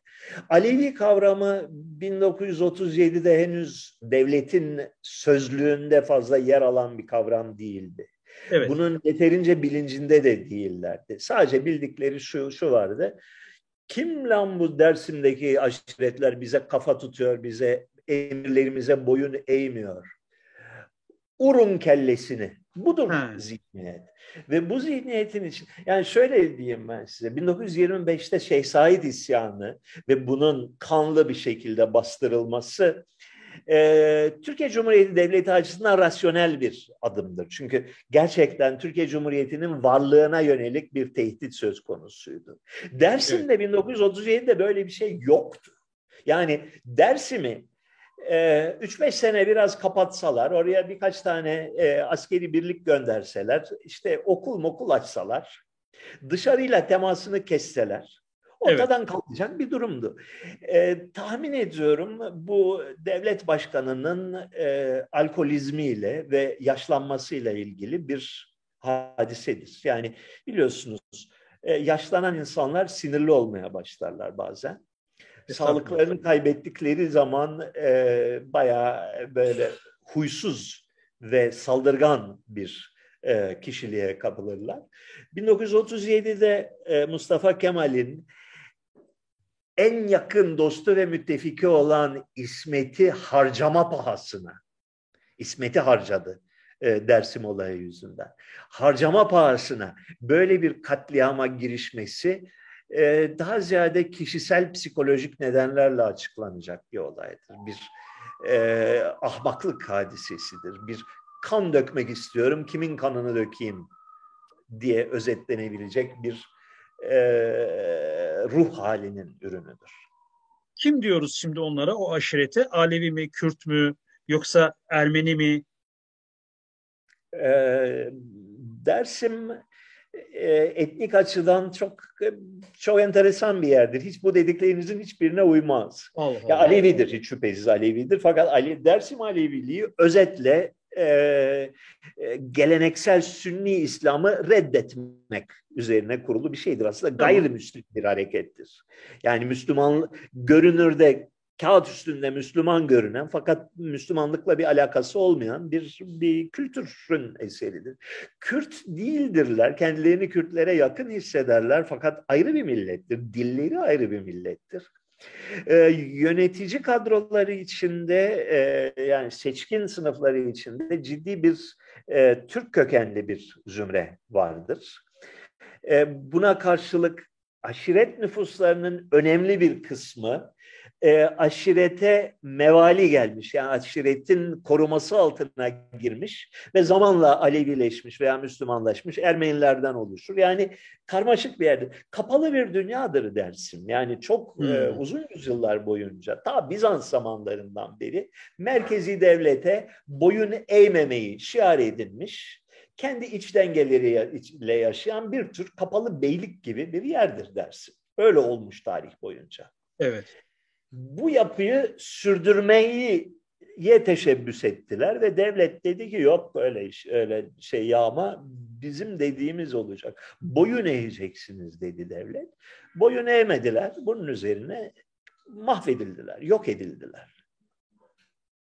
E, kalanlar hala e, e Mustafa Kemal'i şey olarak böyle e, tanrı gibi görüyorlar. Resimlerini, cemevlerini asıyorlar, ona laf etmiyorlar, ona onu eleştirenlerle konuşmuyorlar.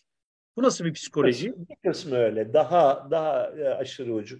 Dersimlilerin çoğu gayet aklı başında insanlardır ve e, Kemal konusunda da e, şeyleri yani biraz daha uzun konuşmanız lazım onlarla. Tamam. gerçekten ne hissettiklerini bilmek için. Fakat şunu görmüşler yani yüzyıllık deneyimin öncesinde bin yıllık Müslümanlık deneyimi var. Ve asıl düşmanlarının, asıl büyük tehlikenin, asıl büyük hmm. zulmün hmm. Müslümanlardan geldiğini düşünüyorlar. Dolayısıyla ehvenişer ehvenişer. Yani ha, kötünün iyisi. Ehvenişer olarak e, Kemal'i bir böyle denize düşen yılana sarılır. Ha, o hesap. Tamam mı? Peki. ee, Sevan Bey, Sonlara doğru yaklaşıyoruz. Güzel gidiyor. Sıkıldınız mı? Yok. Peki. İyi gayet iyi. Tamam. Ee, İran'ım sıkıldı mı? O, o hep yok sıkılmadı. Peki tamam.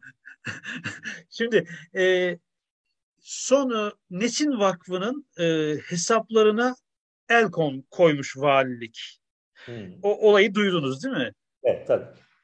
E, bir de tam Nesin Vakfı'nın bitişiğine İsmail Ağa cemaati yerleşmiş. Orada bir böyle sanki bir çatışma, bir kutuplaşma yaratılıyormuş gibi bir hava var. Ne diyorsunuz bu olayla ilgili?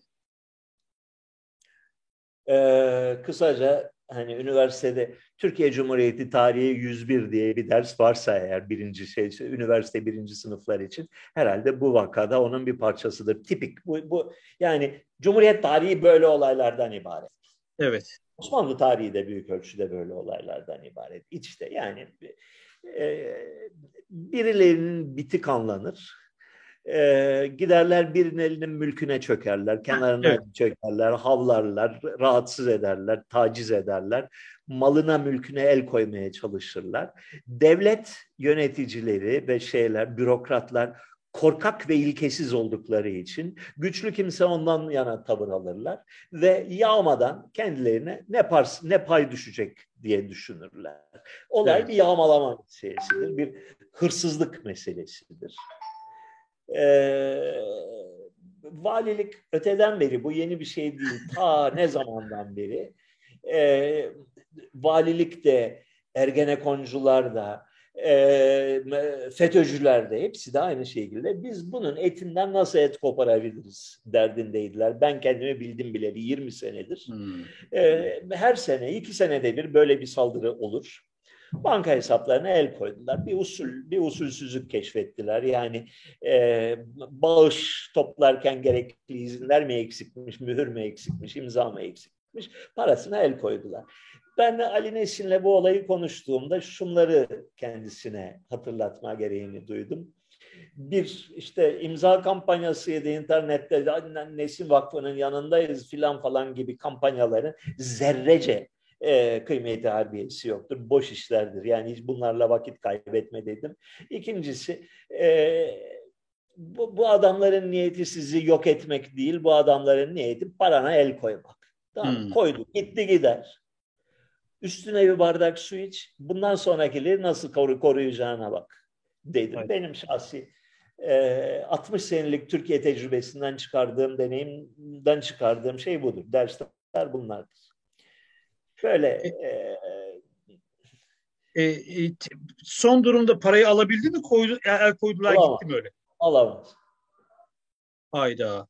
Peki. Devletin el koyduğu parayı geri alabilen kim görülmüş ki Türkiye'de bugüne kadar? Nasıl bir şeydir? Evet. Ee, peki. Ee, buradan bir şey yine böyle bir kutuplaşma, bir savaş, bir şey yaratılmaya çalışılıyor mu? Türkiye oraya doğru gidiyor mu acaba sizce? E yani Kemalist, yani, anti-Kemalist, sağcı, sol. Buyurun. Yani bir Maraş olayları, bir Çorum olayları. Türkiye öz, bir, bir özne değil ki. Yani bir sürü birbirini kazıklamaya çalışan milyonlarca çapulcudan oluşan bir bir, bir formasyondan e, söz evet. ediyoruz. Birileri bir şekilde e, örgütlendi ve bir darbe vurmaya çalıştı. Valilik aradan fırlayıp bir e, gol attı. E, gol attı. tamam gol gol atılır da yenilir de sonuç olarak böyle devam eder. Yani benim gördüğüm kadarıyla devletin üst kademelerinde Nesin Vakfı'nı ezmeye veya yok etmeye yönelik bir irade görünmüyor. He. Bizden değildirler. Dolayısıyla bu şeyin e, şeyinden ne koparmak değil, etinden etinden evet. tüy koparmak mı denir? Öyle bir deyim var öyle. E, domuzdan kıl, kıl koparmak. Domuzdan kıl koparmak mübahtır diye düşünüyorlar. Kıl koparıyorlar. Yani bir dost değiller, düşmanlar. Ama e, bu aşamada matematik köyünü ya da Nesin Vakfı'nı yok etmek veya e, onlara bir savaş açmanın kimseye bir faydası yok ki. Hükümete de bir faydası yok. Başka kimseye de bir faydası yok. Yani bir, bir zararı yok, şeyi yok. Bir e, rasyonalitesi yok işi. Peki. E, hızlı hızlı gidiyoruz. E, Sevan Bey, 4 sene e, şey e, 6 sene önce olan 15 Temmuz'la ilgili konuşmuştuk 2018'de. Evet. Fik, fikriniz değişti mi yaklaşımınız 15 Hayır. Temmuz'la ilgili? Hayır. Yani 15 Temmuz hadisesi çok başarılı bir operasyondur. Ben büyük bir hayranlıkla e, izledim. Bence e, siyaset bilimi tarihlerine geçmesi gereken bir olaydır. E, bir false flag operation e, denilen bir şeydir. Yani bir e, false flag'in Türkçesi var mı?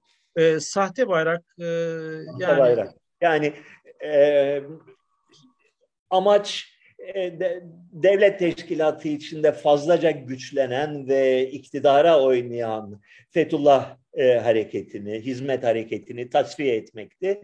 Bunun hazırlıkları yıllar önceden yapılmıştı. Bir gerekçe gerekiyordu, bir suç imal etmek gerekiyordu ki tasfiye edebilsinler. Bir Evet. tamamen tiyatrodan ibaret olan bir e, darbe teşebbüsü sahnelendi ve bu bahane edilerek büyük bir tasfiye gerçekleştirildi. E, doğrusunu isterseniz yani böyle objektif e, uzaylının bakış açısından baktığın zaman şapka çıkarılacak bir operasyondur. Çok başarılı bir operasyondur.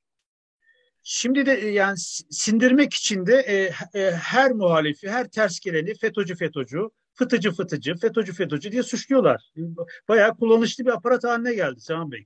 Her zaman kimi yani toplumdaki herhangi bir unsuru, herhangi bir grubu Evet. e, grubun belini kırarsan yani silahlarını elinden alırsan Evet. e, e, yani e, knockout edersen ondan sonra artık e, sonsuz bir imkanlar fırsatı ve şeyi açılır önünde. Onu kullanarak Evet. sürekli olarak iktidarını arttırmak ve pekiştirme imkanını bulursun.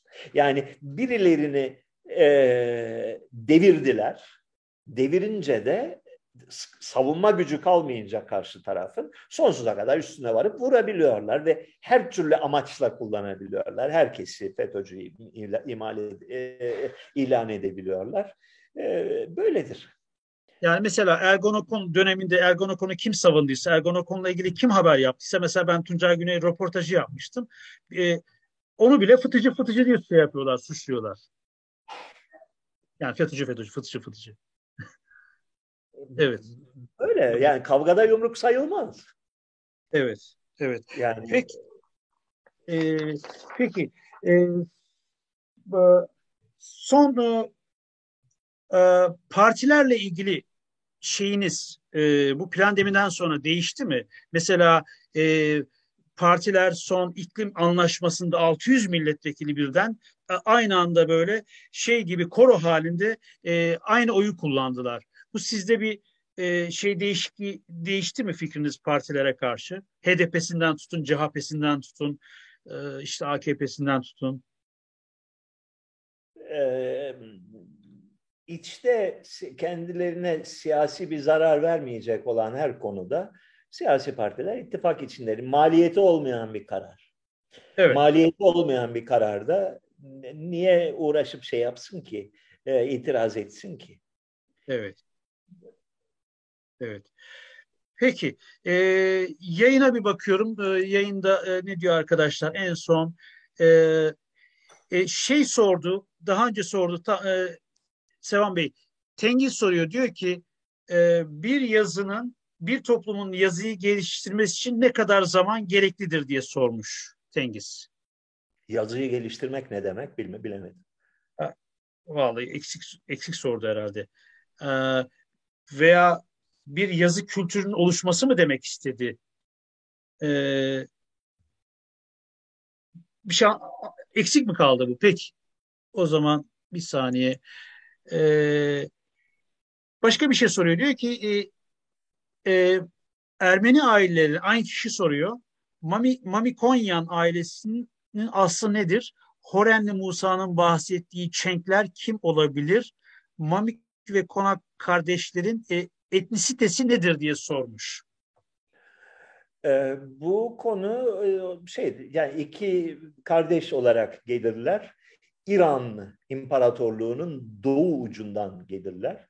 Ee, bu konuda bildiğimiz tek şey Horenli Movses'in e, vekainamesindeki yani 7. yüzyılda 8. yüzyılda yazılmış olan vekainamedeki bir tane cümledir. Bunların Çenk yani Çinli olduğunu söyler e, Evet. şey e, Horenli Moses. Yalnız Çenk yani Çinli kavramı e, o çağlarda e, Batı ve Orta Doğu dünyasında son derece muğlak bir kav- kavramdır. Yani uzak doğulu demek, doğulu demek, Evet. e, Asyalı demek. Asyalı olarak iki kardeş gelirler. İran İmparatorluğu'nun, Sasani İmparatorluğu'nun bir hatta Sasanilerden önceki Eşkani İmparatorluğu'nun bir sürgün görevlisi olarak gelirler Osmanlı şey e, Ermeni ülkesine yerleşirler ve ondan sonraki yüzyıllarda e, Ermeni halkının, Ermeni devletinin, Ermeni krallığının baş e, savunucuları, şampiyonları, kahramanları olarak e, ön plana çıkarlar. Beşinci yüzyılda bilhassa evet. e, İranlılara ve daha sonra e, Müslümanlara karşı e, mücadelenin büyük kahramanları, yani büyük ulusal kahramanlar olarak anılırlar. Yani Ermenilerin dini olmayan tek bayramı, Vartanans denilen bayram, dini olmayan, ulusal olan tek bayramı iki Vartanların yani e, iki amca oğullarıdır, iki Vartan Mamigonyan. Onların e, İranlılara karşı kahramanca mücadelesinin e, anılmasıdır. E, yani tüm eski devletlerde, eski krallıklarda e, bu şey geleneği vardır. Yönetici sınıfı nereden bulursan oradan e, şey yapmak, e, elde etmek, toplamak. Yani Yahudi miymiş, Çinli miymiş, e, Türk müymüş fark etmez. Krallığın ortak kültürü ve ortak siyasi hedefleri doğrultusunda ve dinin gerekleri doğrultusunda bunu kullanabiliyorsan onlar o devletin insanlarıdır. Nasıl ki Sokollu Mehmet Paşa Sırp'tı. Nasıl ki e, ne bileyim buna benzer birçok insanla e, dışarıdan gelip bir devletin ve bir kültürün, bir dinin kahramanları haline gelebiliyorlarsa bu da onların bir örneğidir. Peki. E, Aytekin Yüce soruyor. E, Cum e, siz de, demiş demiştiniz ya Cumhuriyet'in amacı Müslümanlık Müslümanlık Müslümanlaştırmakmış. Peki diyor cami e, kapadı, müze e, müze yaptı. E, işte e, Arapçayı e, engelledi. Kaçırdım bir dakika nerede? E, yani bir sürü şey yaptı İslam'a mugayir karşı. E, nasıl oluyor ismi? İslam'a nasıl Bunlar e, bu dediğiniz şeyler yani Arapça ve cami İslam'ın asli unsurları mıdır, tali unsurları mıdır? Evet. Asli unsuru korumak için tali unsurları e, gözden, gözden çıkarmak baz, bazen gerekebilir mi? Yani şöyle diyeyim, yüzyıllardan beri Türkiye'de oluşmuş olan İslam ümmetini, İslam toplumunu, İslam kardeşliğini yeni çağda e, ayakta tutabilmek, güçlü tutabilmek, yaşatabilmek için bazı evet. İslam'ın şekil unsurlarını terk etmek gerektiyse evet. bu İslam yandaşı bir hareket midir? İslam karşıtı bir hareket midir? Evet. Yani şunu gördüler 20. yüzyıl başında gerçekten bugünkü insanların kavrayamayacağı ölçüde Batı her alanda öylesine güçlü ve öylesine egemendi ki askeri alanda, ekonomik alanda, kültürel alanda, ahlaki alanda, sanat alanında, endüstri alanında her alanda o derece tartışılmaz bir şekilde güçlüydü ki şunu gördüler. Ya biz bunu ayak uyduracağız. Evet. Ya da yok olacağız. İslam ümmeti olarak yok olacağız. Evet. Bu durumda cami mi daha önemli, İslam ümmeti mi daha önemli? Peki. Ee, Sevan Bey, Serkan Yüksel sormuş. Ee, Rize ve yaşayan Hemşin halkının e, Ermeni kökenli oldukları hakkında görüşler var. Bunu birçok hemşinli de söylediği gibi inkar eden hemşinler de var. Kendisi bu konu hakkında ne, ne düşünüyor demiş. Gayet nettir. Yani bu konuda en ufak bir e, kuşku yoktur. 19. yüzyıla kadar hangi Osmanlı ya da gayri Osmanlı kaynağına başvurursan yani selle, seyyah ifadeci devlet kayıtları vesaire hemşinler Ermenidir. Yani bunun, bunun e, ayıp da değil bir şey de değil. Hemşinler Ermeni olmuşlar. Fakat bunlar 16. yüzyıldan itibaren 17. yüzyıldan itibaren büyük çoğunluğu, büyük çoğunluğu değil tamamı yavaş yavaş Müslümanlaşmış. Müslümanlığı benimsemiş. Çünkü başka çaresi yok. Bu konunun mesela tarihi evrimine bakarsan çok enteresan bir şey var. Ee, Hemşinliler dağda oturur. Hemşin memleketi dağ e, ülkesidir. Sahil kısmı Laz'dır. Lazlarla Hemşinliler yüzyıllardan beri kavga ederler. Birbirlerine düşmandırlar. Hmm. Lazlar 15. yüzyılda, 16. yüzyıl başında Müslüman oldular. O noktadan itibaren böyle bir şey gibi e, mürekkep lekesi gibi Müslümanlık hemşine doğru yayılır. Önce aşağı köyler Müslüman olur. Sonra orta köyler Müslüman olur. En son en tepedeki köyler. 19. yüzyıla gelin sadece Yelevit köyü, en tepedeki köy kalmıştır evet. Hristiyan olarak. Ee, böyledir. Ee, tabii ki Cumhuriyet döneminde e, bizim atalarımız Ermeniydi demek insanlar açısından hem bir utanç kaynağı hem bir sürü toplumsal dezavantaj kaynağı olduğu için elbette genç kuşakları öyle yetiştirecekler. Genç kuşaklara diyecekler ki evladım bizim Ermenilikle hiçbir alakasımız yoktur. Bizim hmm. konuştuğumuz hmm. de aslında Ermenice değildir. Sakın milletin sana gavur dölü demesine izin verme diyecekler. Hmm. Çocuk da buna inanacak. Evet. Yetişkin olunca da yok yok yok biz aslında Kıpçak Türklerinden geliriz gibi saçmalıklara inanacak. Ee, e, Sevan Bey, e, Erdem Şahin sormuş, Bahattin Bey hayırlı cumalar demiş, cumalar demiş. Sorar mısınız Türkiye'de ne kadar e, yani istatistiği soruyor, şeyi soruyor, nüfusu soruyor. E, bu kriptoyu kullanmak istiyor mu? Kripto Ermeni e, gerçekten Müslüman ne kadar yani saklı şeyler var, er, Ermeni vardır. Bunun bir rakamı var mı diyor nüfus olarak. Yani e, Müslümanlığa şey yapmış. Buyurun, pardon. Ee, şimdi kaç kuşak önceye gideceğinize bakar. Yani He. Sizin e, anneniz babanız Hristiyan, Hristiyanlıktan dönme olabilir. Dedeniz olabilir. 1895'teki ecdadınız olabilir. 1828'deki ecdadınız olabilir. Dalgalar halinde sürekli bir Müslümanlaşma hadisesi olmuştur. Bunu bir noktada kesemezsin. Ne kadar geriye gideceğini kesemezsin.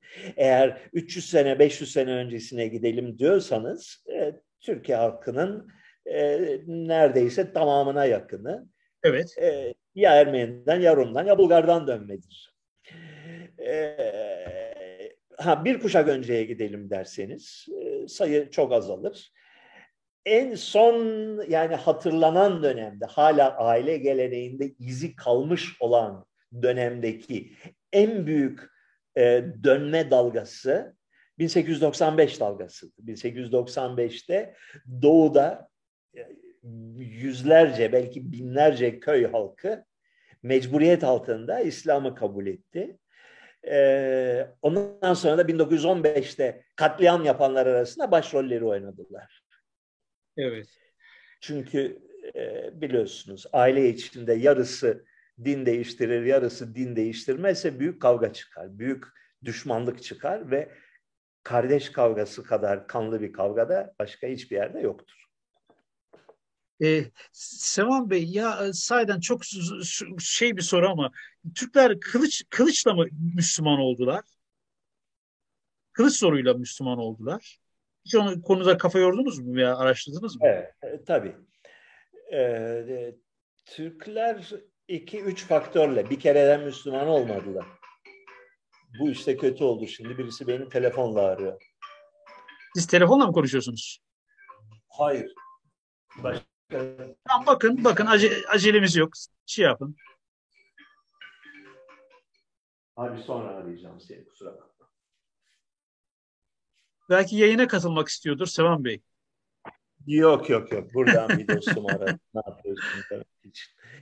Ee, şimdi Kılıç e, soruyla mı? Evet yani Peyderpey. Erivan'da bir, bir Türkiye'li e, Ermeni şeyimiz var. Küçük bir de olsa bir e, cemiyetimiz var.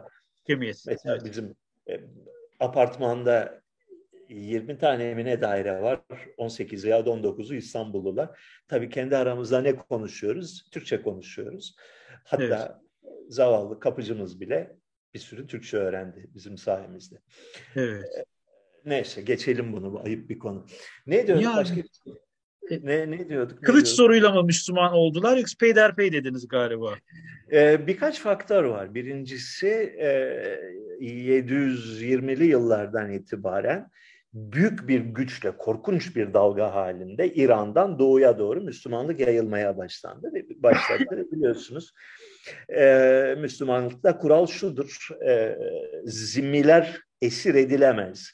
Buna karşılık zimmi olmayanlar yani sınırın öbür tarafında olanlar e, serbestçe köleleştirilebilir. Dolayısıyla e, tıpkı Afrika sınırında, Sahra sınırında olduğu gibi, tıpkı e, Avrupa sınırında yani Bizans ve Rum ve Rus ülkelerinde olduğu gibi Türk sınırında da e, en karlı meslek, en karlı ticaret Türk esir ticaretiydi. Türkleri esir aldılar. Yani güruhlar halinde Bağdat'a ve şeye e, imparatorluğun çeşitli yerlerine gönderdiler. Esir olarak kullanmak üzere. Yani kıymetli bir maldı Türkler. Mal. Allah Allah.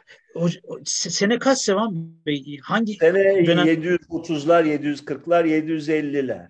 Oo. Yani Emevilerin son çağı, e, işte ikinci Mervan zamanı filan ve Abbasilerin ilk çağı. Evet. Bu e, Türkleri bir çıkmazla karşı karşıya bıraktı. Ya Çin'e şey, sığınacaklar ve Çin'in gücünü arkasına alıp Müslümanlarla kavga edecekler ya da Müslümanlara teslim olacaklar. Hmm.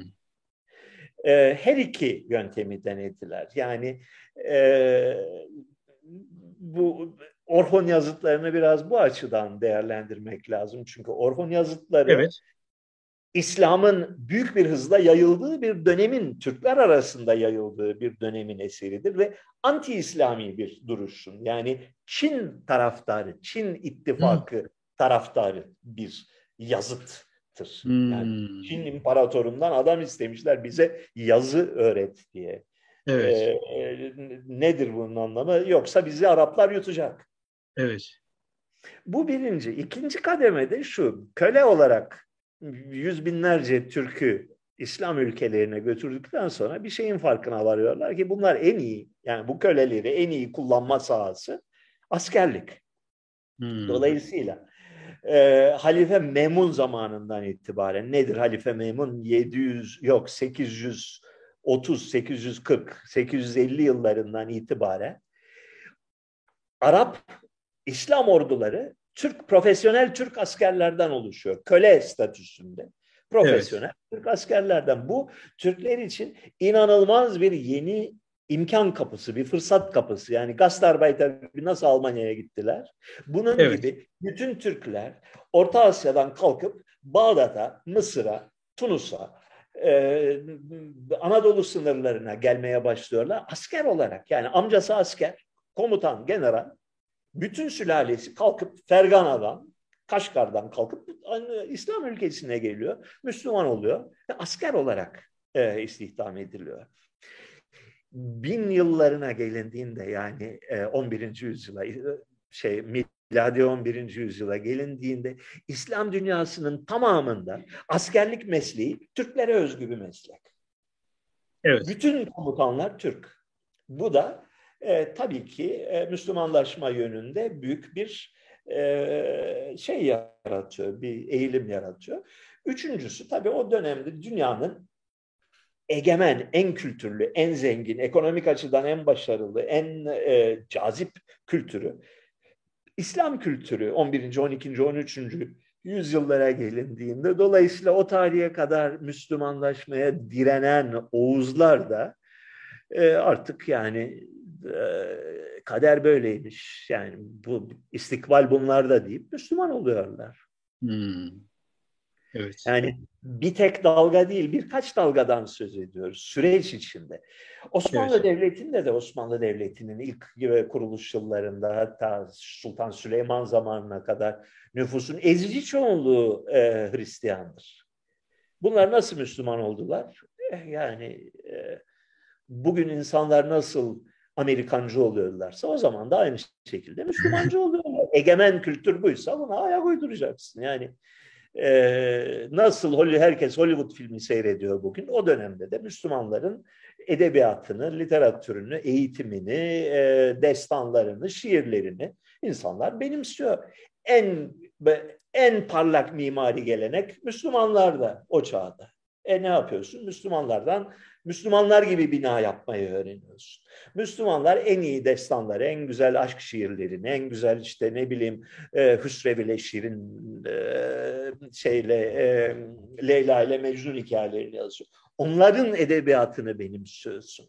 E, Ermeni halk şairleri böyle köyden köye gidip e, şey saz eşliğinde şarkı söyleyenler Türkçe söylemeye başlıyorlar. Ya Farsça söylemeye başlıyorlar. Neden? Çünkü egemen kültür bu. Nasıl bugün Türkiye'de insanlar İngilizce e, rock yapıyorlarsa o zaman da Müslüman böyle peyderpey Müslümanlaşır insanlar.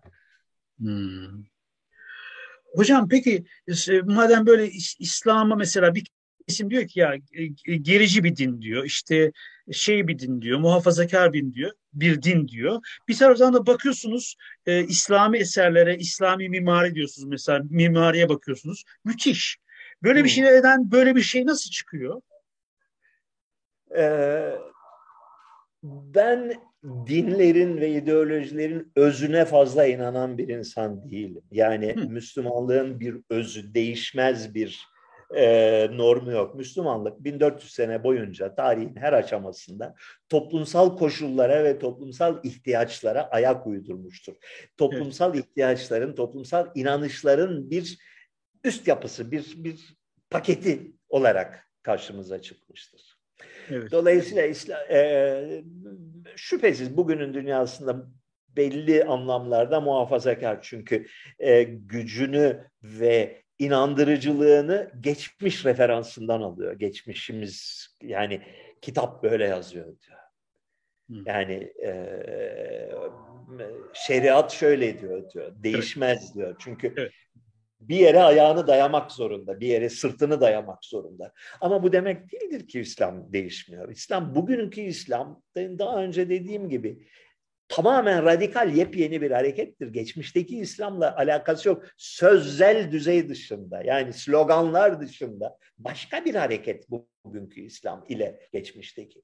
İslam'ın bir çağı oldu, bir dönem.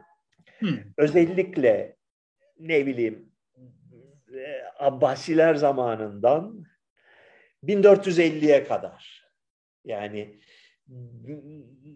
bir 600 yıllık bir dönem dünyanın en gelişmiş, en zengin, en kültürlü, en en başarılı, ticari açıdan en gelişkin e, şeyiydi, kültürüydü. Yani böyle bir imkan, bir bir dizi faktör var bunun içinde. E, eski dünyanın en medeni ve şehirleşmiş kısımlarına bir şekilde kondular. Yani Bağdat, Şam, Kahire vesaire, İskenderiye bütün bunlara sahip oldular. Dünyanın en önemli ticaret yolu üzerinde bulundular ve böyle çok geniş bir alanı tek bir egemenlik, tek bir kültür altında toplamak suretiyle büyük bir başarı kazandılar. Evet, bilimler alanında, e, tıp alanında vesaire büyük adımlar attılar, çok ciddi adımlar attılar. Sonra e, bunu kaybettiler. Evet, 1400'lerden 20. yüzyıla kadar büyük bir gerileme dönemidir, bir iniş dönemidir, bir sıkışma dönemidir. Ekonomik olarak büyük bir daralmadır, fakirleşmedir. Anadolu mesela İslam dünyasının bir parçası olan Anadolu 1400'lerde dünyanın muhtemelen en zengin ya da ikinci ya da üçüncü en zengin ülkesiyken 20. yüzyıla gelindiğinde sefil e, yani bitmiş bir e, marjinal bir ülke haline gelmiştir. Gerilemiştir bir bütün olarak. 21. yüzyılda ise bir e, isyan hareketinin, bir var olan dünya düzenine karşı bir ayaklanma hareketinin e, öncüsü haline geldi İslam. İyi bir şey midir, kötü bir şey midir? Hiçbir zaman buna karar veremiyorum. Peki. Ee, Son olarak bir, bir şey soruyor. Diyor ki e, e, yetkin soruyor. Bir dakika abi e, şuraya bakayım. E, şurada. E, yetkin diyor ki e, Ermenistan, Türkiye-Ermenistan sınırının açılma ve ekonomik olarak iki ülkenin yakınlaşma olasılığı oradan nasıl görünüyor? Sevan Bey'e soruyorum diyor. Sorar mısınız diyor. Var mı öyle bir ihtimal sınırların açılması? 6 ay öncesine kadar çok ciddi bir ihtimal vardı. Çok e, şeyden sonra, Karabağ Savaşı'ndan sonra e, Türkiye, Ermenistan, e, Azerbaycan ve Rusya arasında dörtlü bir e, problemleri çözelim iradesi e, kendine göstermekteydi. E, baya baya da ümitlendik ve e, şey e, imser bir hava esti. Son 3-4 ayda özellikle Ukrayna Savaşı'ndan sonra bu ihtimal uzaklaşmış görünüyor. Yani e, Türkiye'nin de gündeminden düştü. Ermenistan'da da son derece kuvvetli bir karşı hareket. Yani Türkiye ve Azerbaycan'la ilişkileri düzeltmeye karşı bir hareket oluştu. Ee, şeyde Rusya'da zannediyorum ilgisini kaybetti konuya. Daha önemli işlerle uğraşıyor. Ee, bir tek e, Azerbaycan'da sanki bir hala bir hani çözelim bazı problemleri de hadi barışalım biz de Ermenistan'ı sömürelim gibisinden bir e, atmosfer kendini hala hissettiriyor. Ermenistan'da hava çok değişti. Son üç ay içinde çok değişti. Olumlu mu? İyi anlamda mı? Olumsuz anlamda. He. E, ama evet.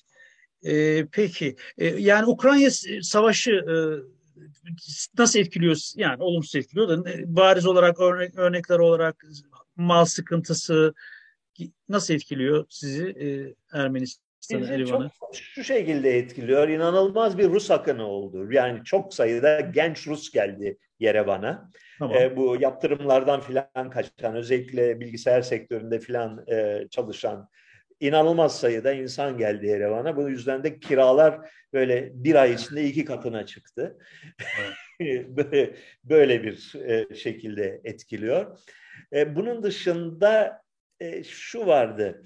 Savaştan önce hani sanki böyle bir e, bir takım konular çözülecek, ticaret ilişkileri, yatırım ilişkileri falan e, daha iyi olacak. E, Rusya, Türkiye, Azerbaycan hatta belki İran bir işbirliği yapabilir gibisinden bir hava vardı. Ukrayna Savaşı çıktığından beri şu var, dünyanın nereye gideceği belli değil. Yarın öbür gün büyük bir savaş çıkarsa bu savaşta Türkiye Rusya ile aynı tarafta mı yer alacak, Rusya karşısında mı yer alacak? Bu belli değil. Yani bir savaş ihtimali var e, gündemde. Bu da e, her türlü diplomatik yakınlaşma çabasını e, şeye e, derin dondurucuya koyma sonucunu doğuruyor. Bekle bakalım ne olacak? Bekle bakalım ne olacak? Yarın öbür gün Türkiye Rusya'ya savaş açarsa Amerika'nın zoruyla Ermenistan ne olacak? Böyle bir gerçek var ortada. Peki. Yani olay sadece sınırları açalım, ticaret olsun, insanlar gidip gelsin meselesi değil. E, ordular nereye gidecek? O mesele var. Peki. Sevan Bey çok teşekkür ediyorum. Yorduk sizi. Son eklemek istediğiniz bir şeyler var mı? Yok yeter bu kadar. Çok teşekkür yeter, ederim. Değil Yoruldunuz değil mi? Peki. Ya, yeter. Peki. Ee, sağ olun. Ee, peki. E, seyircilere dönüyorum. Arkadaşlar e, Bugünlük bu kadar. E, görüşmek üzere diyorum. E, sağ olun.